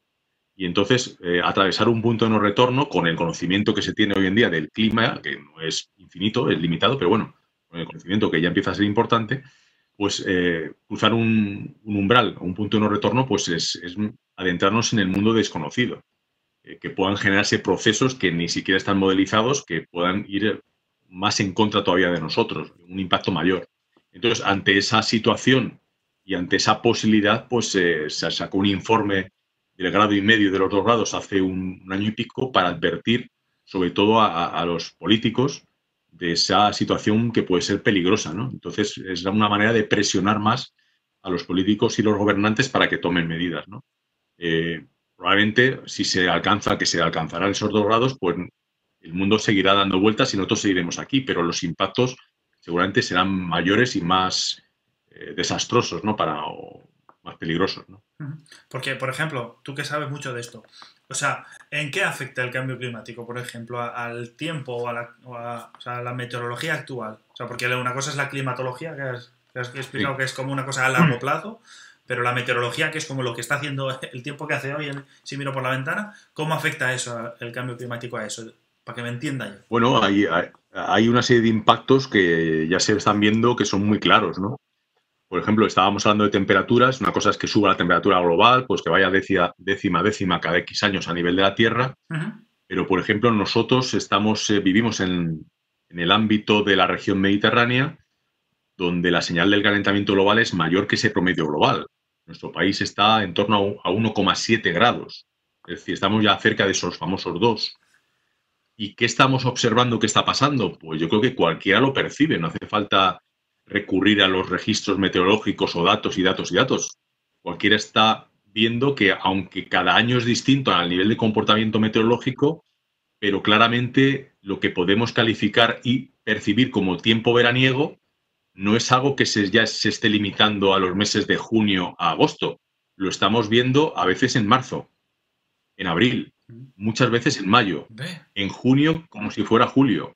Nos vamos pues hasta, octubre. Hasta en la terracita. ¿Tú sabes lo que es estar en la terracita con la cañita en marzo, en pantaloneta, ahí con los colegas? Pues si eso es maravilla, eso es lo mejor. Claro, pero, pero lo bueno que es estar en la terracita en octubre eh, es, un, es una cosa mínima con lo malo que es estar en la, terra, en la terraza en junio, en julio, en agosto, que no puedes aguantar del calor. Y que mm. además te metes en tu casa porque no aguantas el calor y tiras de aire acondicionado si lo tienes, con lo cual tienes su impacto y su huella de carbono, etcétera, etcétera. Es decir, al final eh, los impactos de cómo se está comportando el tiempo son negativos. Eh, luego, a nivel de circulación atmosférica, de que el tiempo esté cambiando, pues también se están detectando cosas, sobre todo una tendencia clara a volverse más extremo el, tiempo. Por supuesto que siempre ha habido pues, tormentas organizadas que se han cargado allí los viñedos en tu tierra en mitad de septiembre, o riadas o inundaciones. En, cualquier época de la historia ha habido eso, sequías, por supuesto, pero ahora se está detectando eh, cómo la magnitud de alguna de esas cosas y la frecuencia sobre todo está aumentando.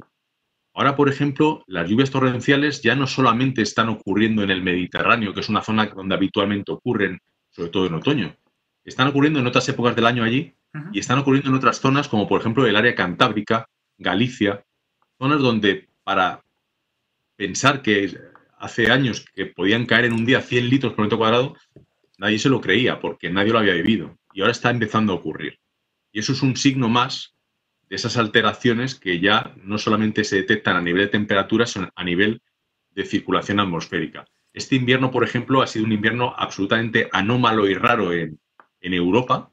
No ha habido invierno salvo muy pocos días, no ha habido casi entradas de aire polar, ha estado concentrado todo ese aire tan frío en el casquete ártico.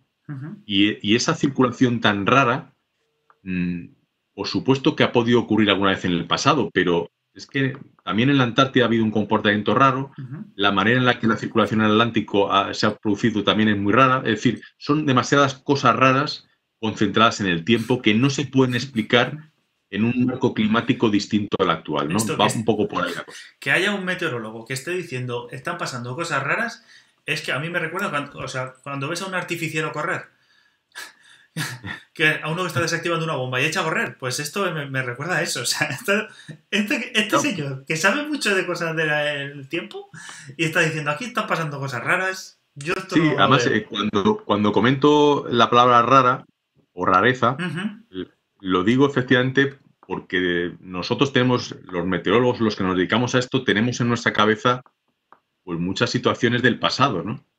Y entonces eh, hay datos objetivos. O sea, no es algo que, te dejes llevar por tu, mala memoria meteorológica, que todos la tenemos. ¿no? Yo se me pongo el ejemplo de, la, de las famosas nevadas. Es evidente que hoy en día nieva de otra manera distinta como nevaba cuando vivían nuestros padres o abuelos. Pero también es verdad que tú a lo mejor allí en Logroño o en Vitoria, cuando eras más pequeño, recuerdas una gran nevada. Pero tú, un recuerdo de una nevada tú con siete años, probablemente esa nevada, pues eh, piensas que, vamos, que ibas casi nadando entre la nieve, ¿no? Sí, sí. A lo mejor era una, era una nevada de 30 centímetros, que a ti te pareció aquella nevada en el colegio lo más. Mm. Luego miras los datos y ves que, bueno, que sí, que fue una nevada vitoriana de las normalitas, pero tú tienes ese recuerdo en tu cabeza porque tu vivencia Mm. es que fue la nevada de tu vida. Entonces, eh, eh, ahí es donde tienes que distinguir entre, los- entre los- tu memoria personal y los datos. Y los datos muchas veces revelan que ese recuerdo tuyo de algo extraordinario no fue tan extraordinario. Pero cosas que están pasando hoy en día son extraordinarias porque si tiras desde el pasado no encuentras tantas referencias a, a cosas tan extraordinarias como alguna de las que he apuntado antes. Vale, vale. Entonces, cuando. Entonces, macho, yo a mí no me, me estás, me estás haciendo más lío que, que resolverme la. Porque entonces, cuando se dice qué buen tiempo hace cuando en- estás en invierno y hacen así como 18, 19 grados, que sales hasta en manga corta ahí en, en- en diciembre o en enero, y dices, joder, qué buen día hace, qué sol, qué buen día hace. Entonces, eso como. No, yo no, Ah. esto no me aclaro. Yo, yo, yo soy. eh, a, a veces me puede incluso colar, ¿eh? porque esto de decir buen tiempo, mal tiempo, lo tenemos ya integrado en nuestro disco duro. Pero vamos, mm, intento evitar al máximo eso. Eh, los meteorólogos antiguamente, eh, cuando a algún periodista se le escapaba lo de buen tiempo, mal tiempo, siempre recurrían al tema del agricultor. Vamos a ver, señor, si llevamos aquí cinco, cinco meses de sequía y, y de repente llueve, me dice usted en el periódico que mañana va, va a cambiar el tiempo y va a hacer malo. Pues no, no. Para un agricultor se le ha abierto la puerta, le llega, le llega el agua fantástica para, para su tierra, ¿no? Pues bueno, eh, digamos que la perspectiva cambia en función de quién sea la persona que, que reciba esa información, ¿no? Pero en cualquier caso, no se puede calificar el tiempo de bueno o malo. Desde el punto de vista meteorológico tienes que calificarlo, pues que un tiempo que tiende a la estabilidad atmosférica, a que se vuelva inseguro, tormentoso, son calificativos más ajustados a la realidad. Lluvioso, pero ese lluvioso no tiene por qué ser malo. De hecho, será bueno o malo en función muchas veces de, de qué haya ocurrido antes. De que a lo mejor venimos atravesando eso, una sequía, y ya empieza ahogarnos un poco, o lo contrario, un periodo en el que no para de llover. Entonces, que siga lloviendo es malo, pero que deje lloverlo no. Entonces, y en estos casos en siempre en ciertos contextos se puede usar el, el calificativo, pero hay que intentar evitarlo. Y luego también es muy interesante, y creo que tenemos que aprovechar este, este- esta conexión para explicarlo, eh, esa confusión tan grande que hay entre tiempo y clima. Sí, por realmente, favor, claro, que es, la que es línea- el centro de, la- de este programa. Claro, la línea de separación del concepto tiempo y el concepto clima es un tanto difusa. Y no es fácil porque una cosa está mezclada con la otra.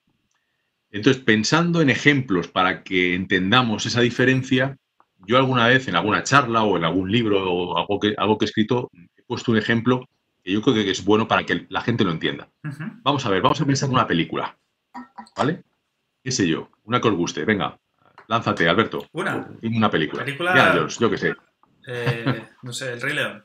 Bueno, El Rey León, venga. No sé.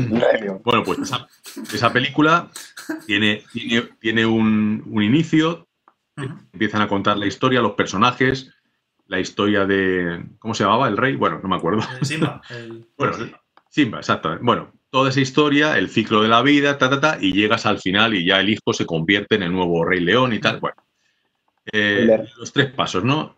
Inicio, eh, desarrollo, desenlace, ¿no? ujú. Si tú eh, en un momento dado ves un único fotograma del Rey León, en un momento de mitad de la película, pues no puedes, viendo ese fotograma, no puedes deducir toda la historia del Rey León. Es imposible. Viendo una escena de cine o un minuto de una película de cine, no puedes construir toda la historia. Pues con el clima y el tiempo pasa lo mismo. El clima es toda la película Vale.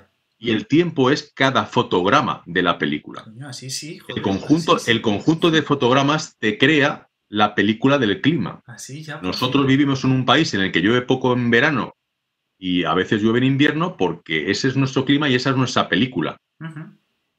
Añado un ejemplo más. Imagínate, no lo sé, que tú no conoces la provincia de Almería. ¿Has estado en Almería? Eh, Imagino no, mira, que sí, fíjate, pero bueno. No, no, no, no he estado. ¿No? No, he eh, no, no he llegado a estar justo desde las que me quedan.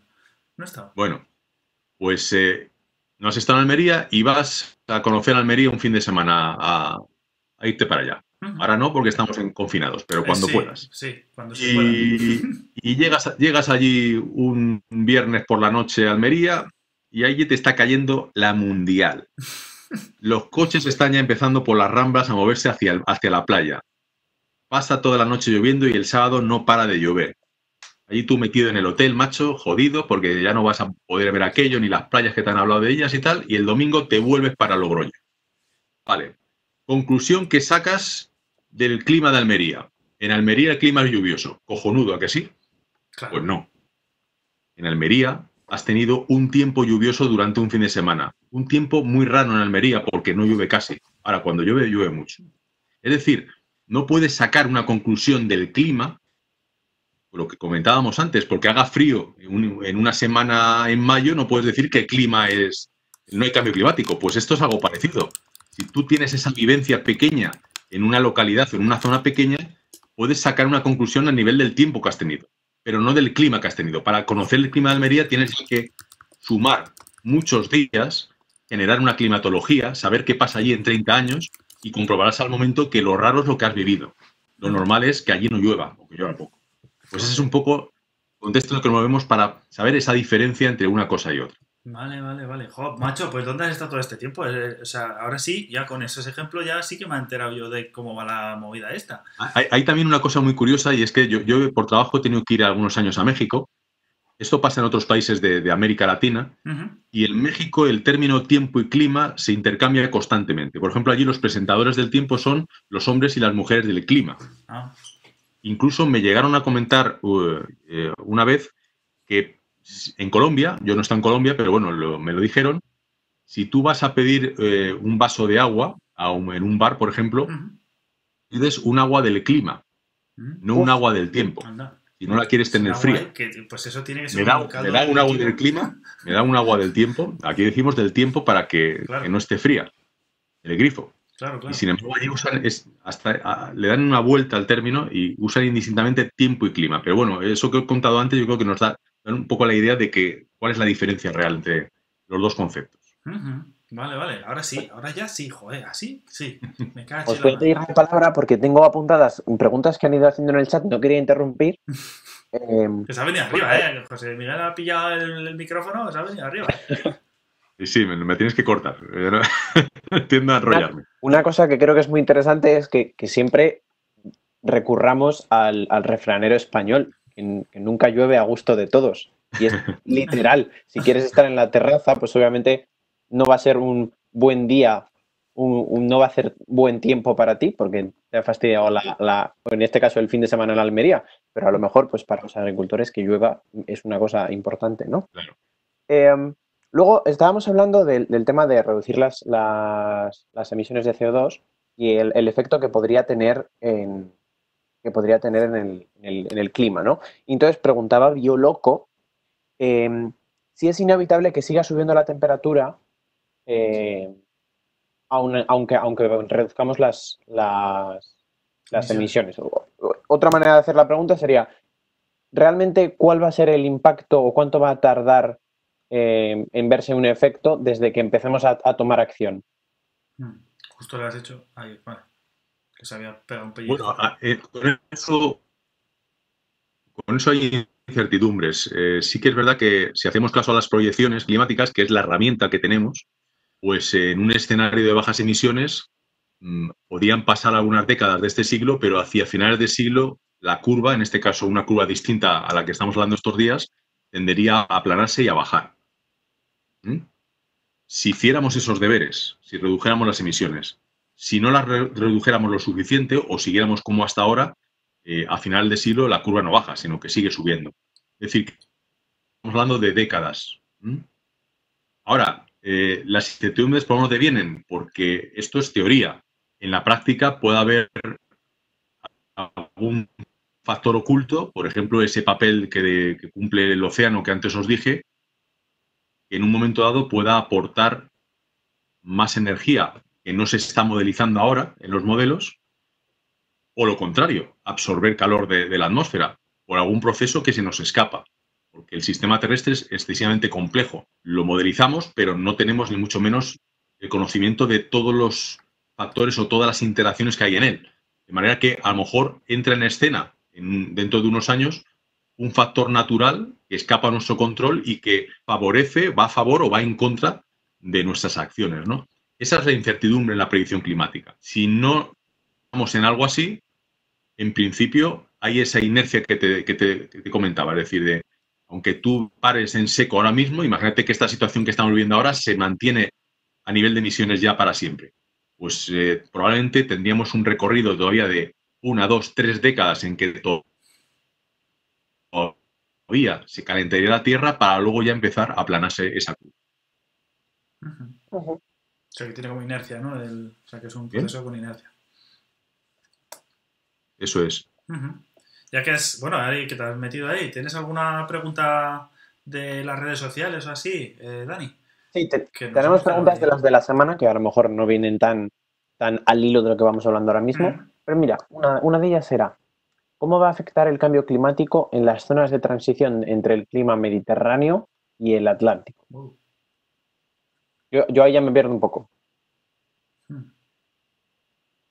Bueno, a ver, si pensamos en nuestro país, digamos que la península tiene una vertiente atlántica, la que está más abierta a través de la, cuenca o el valle del Duero, el Tajo, Guadiana, Guadalquivir, hacia Portugal, en el que los caracteres climáticos son propiamente atlánticos, es decir, eh, la lluvia suele ser frontal, los frentes laborales que llegan, eh, ese tipo de cosas.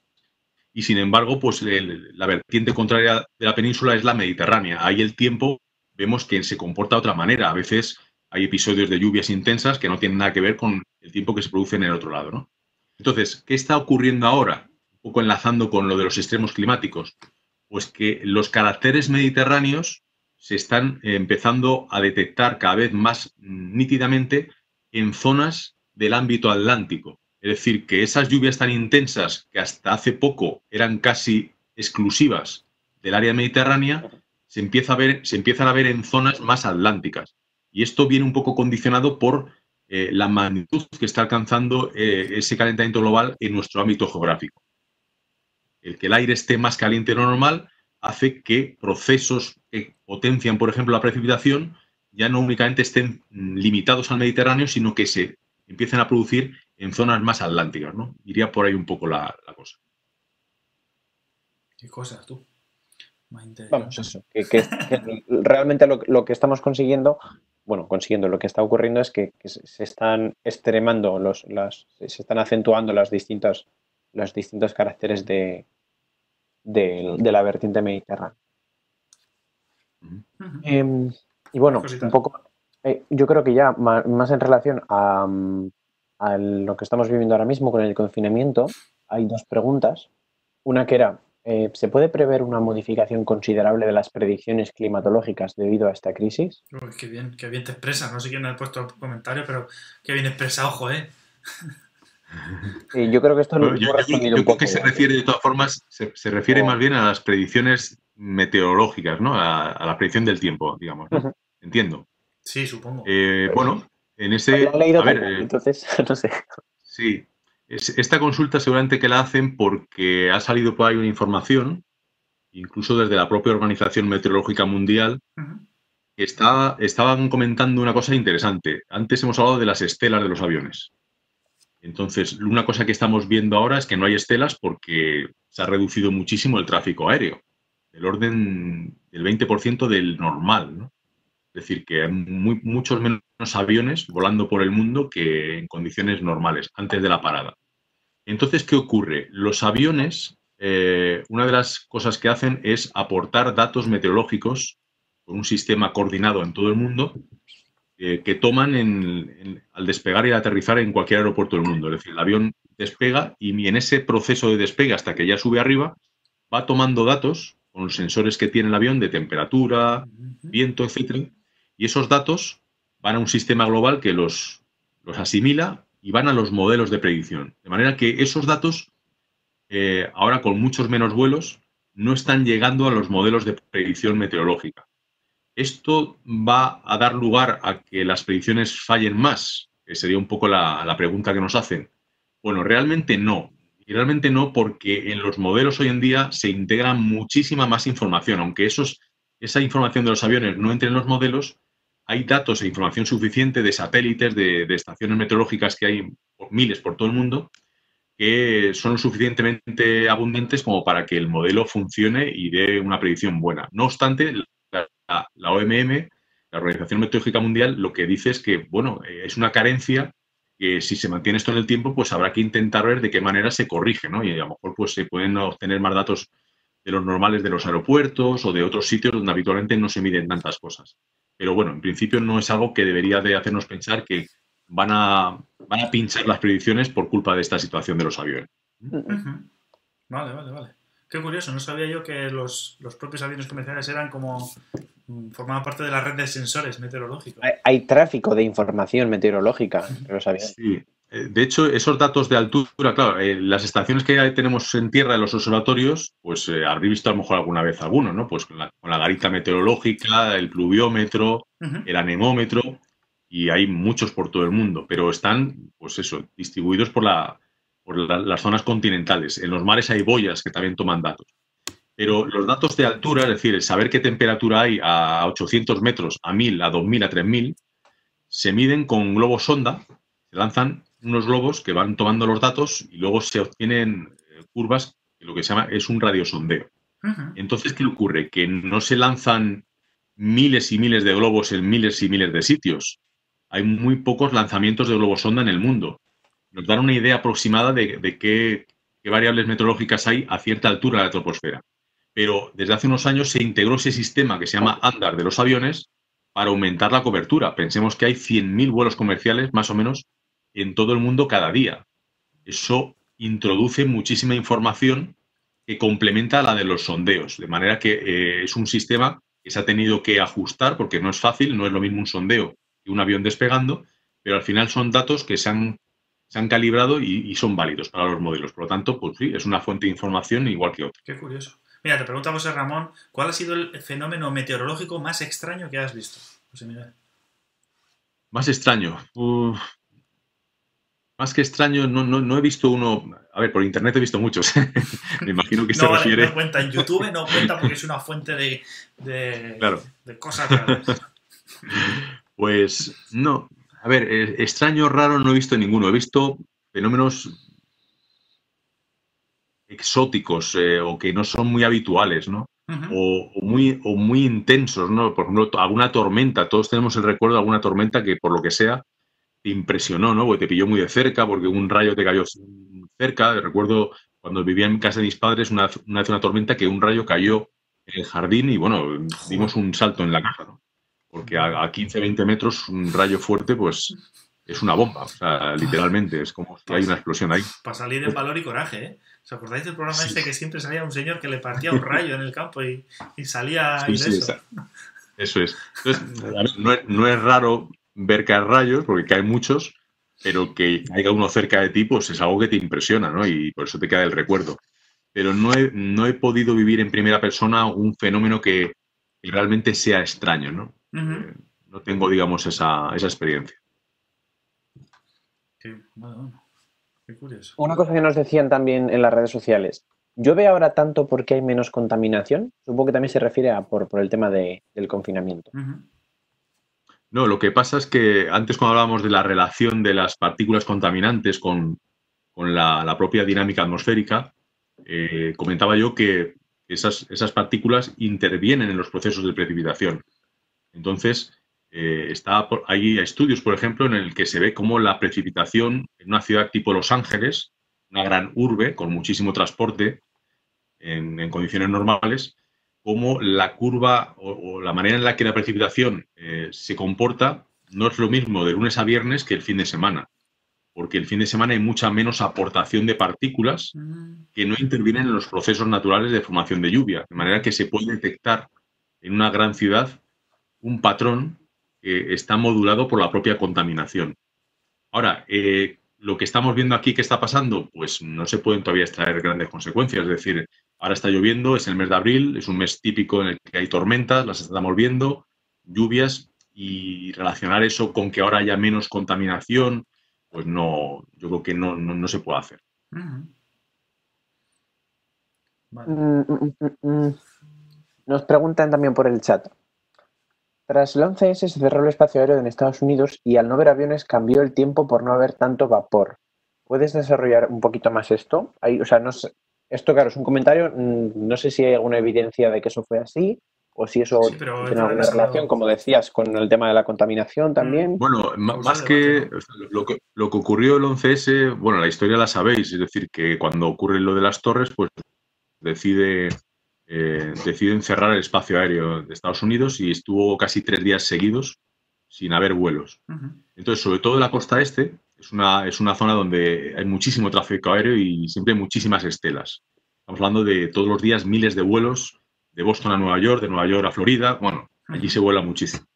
Entonces, claro, eh, las estelas, cuando hay tanta densidad de estelas, también pasa en Centro Europa, pues lo que, lo que forman es una capa que retiene, eh, retiene o absorbe calor emitido por la Tierra que sin estelas escaparía al espacio, es decir, que tienden a calentar. De manera que, ¿qué, se observó cuando pasaron ya días y empezó a traer la normalidad en Estados Unidos? Cuando se miraron los datos se observó que las temperaturas mínimas por la noche no fueron tan bajas como las, las normales en la época cuando el tráfico aéreo es el normal y se dedujo que fue claramente porque había, eh, no había estelas. Eh, o sea, lo he dicho me parece al revés. O sea, como no había estelas, fueron más bajas las mínimas. Cuando normalmente está todo el tráfico aéreo y entonces son un poco más altas. Entonces, fue una evidencia científica del impacto que tienen las estelas en la temperatura, en particular en la manera en la que eh, suben las mínimas o bajan. ¿no? De manera que a partir de ahí se, se entendió que desempeñan un papel más importante en el balance de energía terrestre el que se pensaba. Se pensaba que, bueno, sí, pues aparecen estelas, pero ahí se pudo demostrar a raíz del 11S que realmente eh, la señal o el impacto de las estelas eh, eh, es notable. Espérate, que te tengo que cortar porque ha habido un evento súper importante y es que Psicoblog nos ha hecho una raíz. Muchísimas gracias, Psicoblog. A tope ahí. Muchas gracias. Una raíz es, cuando, es eh, otra persona que está emitiendo en otro canal, nos ha traído a todo su público porque ya ha terminado él y, ahora ah, están aquí. Así que de repente ahora tenemos un puñado de, gente viendo esto nuevamente. Así que bienvenido a todo el mundo, muchísimas gracias por estar aquí. Y eh, a tiempo estáis de echar todavía un ratillo aquí hablando de cambio climático y de meteorología con, José Miguel Viñas. Eh, entonces estabas contando que, que, parece ser que entonces de alguna manera sí que afectó aunque sea puntualmente, el hecho de que hubiera menos tráfico aéreo a, las temperaturas de, esos días? Sí, sí, sí. Y de hecho, ahora, ahora se va a volver a hacer un poco ese experimento, incluso a, escala planetaria, porque lo que está pasando ahora es algo parecido. No es que no haya vuelos, pero hay muchísimos menos vuelos. Entonces, eh, seguro que eso tiene un reflejo a nivel de las temperaturas en países como el nuestro o, sobre todo en el tema de las mínimas, es donde más se nota, ¿no? Entonces, eh, seguramente que vamos a registrar temperaturas nocturnas más bajas de las que habitualmente se registran en lugares donde hay mucho tráfico aéreo. Segurísimo que sale algún estudio dentro de unos meses que lo certifica. Qué curioso. Em, bueno, y la última pregunta ya de, ya de las redes sociales y ya totalmente cambiando de tema, aunque hemos hablado un poco de eso antes. ¿Qué se estudia para ser meteorólogo? Ah, mira, claro, es que eso es verdad. ¿Qué eres? ¿Eres licenciado en meteorología? no, bueno, al, principio, un poquito lo conté. Eh, mm, sí, es verdad, en, mi caso, en mi caso estudié la licenciatura de Ciencias Físicas y al menos en la Universidad Complutense de Madrid hay una especialidad de Física de la, Atmósfera o Física del Aire. Eh, ahora ya todo va con grados y me imagino que tienes opciones de coger distintas asignaturas, pero bueno, al final das das, digamos, la materia a nivel de ciencia y de, técnica relacionada con la atmósfera, ¿no? Pues esas asignaturas que dije antes de meteorología dinámica, termodinámica, eh, física del aire, y para entender todas estas cosas sobre las que estamos hablando. Si me hubieran preguntado qué se estudia para ser eh, hombre del tiempo o mujer del tiempo en una tele, pues bueno, ahí digamos que el abanico ya se abre más. Algunos de mis colegas son físicos también, que han estudiado la especialidad como yo, eh, yo antes empecé contando que mi primera experiencia profesional fue una beca en, televisión. Me cogieron y estaba estudiando físicas. pero mm, hay presentadores del tiempo que, por ejemplo, son geógrafos. Ellos han estudiado en parte todas estas cosas a través de su carrera de geografía y de la parte de climatología. O sea, que se ¿Cuál es la diferencia? Sitios.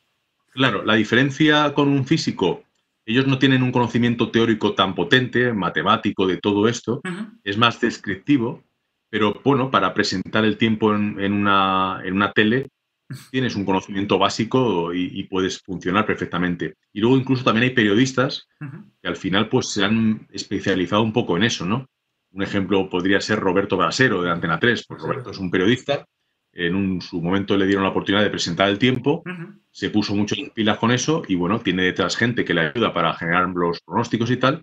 Pero bueno, es un tío que a nivel de comunicación funciona muy bien y ese perfil también es válido. Digamos que esos tres perfiles existen en ese en ese colectivo de hombres y mujeres del tiempo, ¿no? Físicos, geógrafos con conocimientos de meteorología y climatología y periodistas. Qué curioso, qué curioso. Pero, y, por ejemplo, si yo quiero mm, aprender de manera amateur un poco de meteorología o, entender cómo, pues eso, cómo puedo leer un mapa y, hacer predicciones para contarle a la familia, pues el fin de semana nos podemos ir de vacaciones a la costa. ¿Cómo hay recursos? ¿Hay alguna manera de aprender o simplemente como hobby? Pues aquí estoy obligado a recomendar mi página web, eh, clarísimamente. bueno, te dejamos. Tengo, muchísimos recursos para precisamente poder satisfacer a alguien como, tú, con esa, con esa, con esa idea en la cabeza. Eh, una de las cosas por, ¿Cómo se llama tu web? hice mi, mi, página, sí, bueno, la, la dirección es www.divulgameteo.es. Ha estado todo el en realidad el spam lo hemos estado metiendo todo el directo porque lo tienes justo en tu nombre que te he puesto en el cartelito. Eh, ha estado apareciendo todo. O sea que este vídeo es patrocinado por la página de Meteo. No, ah, por supuesto que hay muchas páginas en internet y muchísima información de, ese para poder eh, aprender cosas. Pero yo me, he esforzado especialmente en que haya contenidos de distintos niveles para todo tipo de gente. Gente que ya está metida en este mundillo y que quiere profundizar más, o gente que quiere asomarse a este mundillo, que sería a lo mejor tu caso. Eh, de hecho, mañana lo tengo ya preparado, mañana lo lanzaré, voy a hacer un hilo en el que, eh, en Twitter, en el que voy a poner 10 eh, textos que para mí son fundamentales para entender 10 grandes conceptos de la meteorología.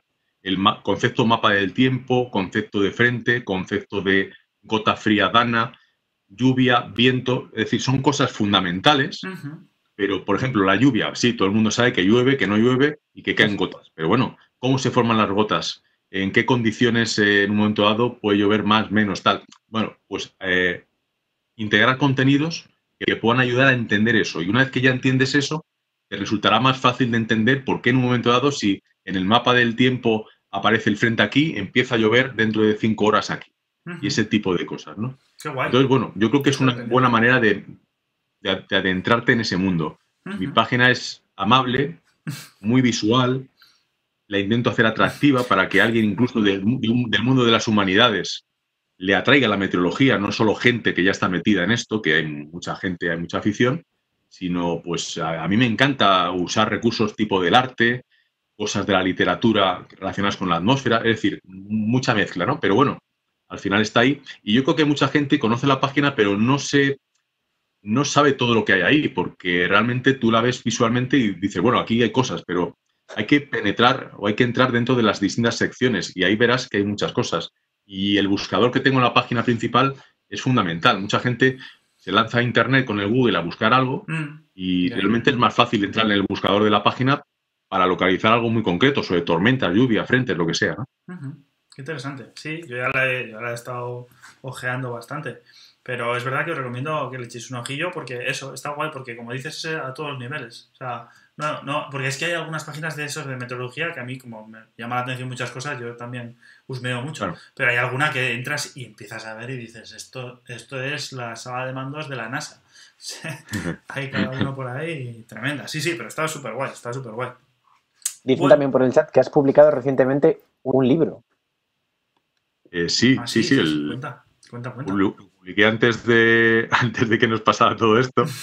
Bueno, salió publicado en noviembre y de hecho estaba con la promoción en enero, febrero y tal. Y la verdad es que es, bueno, yo ya he publicado varios libros, pero este es especial porque es en el que más eh, trabajo he invertido, ¿no? Es un diccionario, es decir, tiene una estructura de diccionario, pero es un libro de divulgación, que es al final lo que yo, lo que yo hago, ¿no? Se llama Conocer la meteorología y se subtitula Diccionario Ilustrado porque tiene muchas figuras del tiempo y del clima. Me lo ha sacado Alianza Editorial, una editorial con la que ya he sacado otros, otros dos libros antes, aunque eran de bolsillo.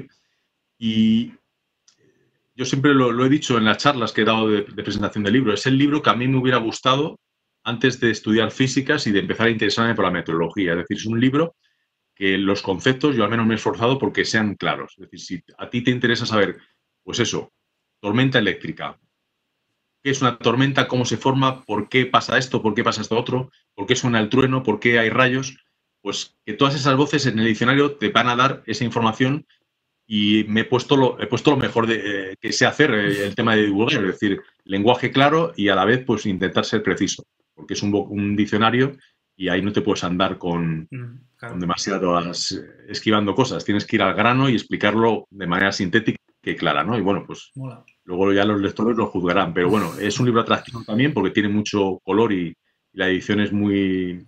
La, editorial se ha, esforzado mucho porque sea atractivo y yo creo que sí, que es un igual, es un buen recurso para alguien que quiere iniciarse o que incluso quiere profundizar en, todo esto. Bueno, pues ahí lo tenéis. Si os interesa, a quien le apetezca eso, meterse en este mundillo, es una buena manera el, eh, de entrar, por lo menos. O de empezar así a tener las cosas básicas claras, claras.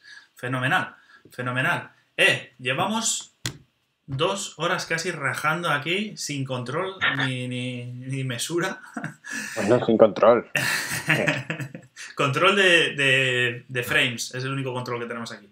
Lo único que nos ha controlado son el, bit, el bitrate y los frames, que nos está aquí fastidiando el internet. Pero bueno, que mm, siempre me gusta, ya sabéis, que me gusta terminar preguntando a quien suelo traer aquí como invitado, eh, que nos dé un consejo, eh, José Miguel, un consejo que yo pueda poner mañana mismo en práctica, que mañana me levante por la mañana y pueda poner en práctica, ¿vale? Algo tangible y, y que lo pueda tocar para mitigar los efectos del cambio climático, por ejemplo, en tu caso en la meteorología. Quiero decir, todo el mundo, o sea, todo el mundo sabe que el cambio climático es una caca, todo el mundo sabe que hay que hacer algo, pero aparte de reciclar, porque todo el mundo dice yo reciclo y ya está, ya soy proambiental, aparte de eso, ¿hay algo concreto que se pueda hacer, por ejemplo? Ya nos han puesto un montón de ejemplos. ¿Qué nos dices tú? ¿Tú qué nos recomiendas? Eh, hay una cosa, bueno, yo, eh, en las charlas que doy, que muchas veces me piden hablar de cambio climático, eh, en mí ha habido una evolución muy clara desde que empecé hace ya bastante con, con ello, ¿no?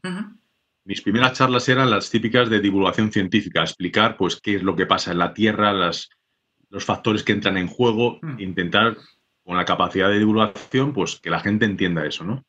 Y de un tiempo a esta parte voy más por la línea de la concienciación. O sea, se puede explicar el efecto invernadero, se puede explicar, hemos hablado de, muchos conceptos, pero mucha gente ya ha leído cosas y bueno, tiene ya una idea más o menos de lo que está pasando y por qué el CO2 está provocando esto y tal, ¿no? Entonces hay que ir ya un poco por otra línea, incluso manteniendo la divulgación, que es lo que hago yo, ¿no? Entonces, para mí la clave está en la concienciación, es decir, que tú puedes seguir haciendo tu vida y todas las cosas, porque la vida de cada uno es distinto, ¿no? Todas las cosas que tú habitualmente, habitualmente haces. Pero sería muy interesante que cualquiera de esas cosas que haces de manera rutinaria, no en las condiciones que estamos ahora, sino pensando en cuando estábamos antes, eh, que te tomes conciencia, pequeñas conciencias de, de, esa huella de carbono y de si lo que estás haciendo realmente ya por rutina, puedes cambiarlo. Y yo creo que se pueden cambiar muchas cosas. Pasado del reciclaje, vale, lo hacemos muchas personas, la mayoría, ¿no? Sí. Pero por ejemplo, pues qué sé yo, yo me, muevo mucho, yo voy todos los años, pues al final tengo X viajes en avión, trenes y tal. Y, ya me voy planteando cada vez más, de manera más clara, que por qué tengo siempre que elegir, si aunque me lo, me lo, me lo ponen en, la opción del avión, ¿por qué siempre en avión? Cuando eh, de Madrid tengo que ir a Barcelona o a...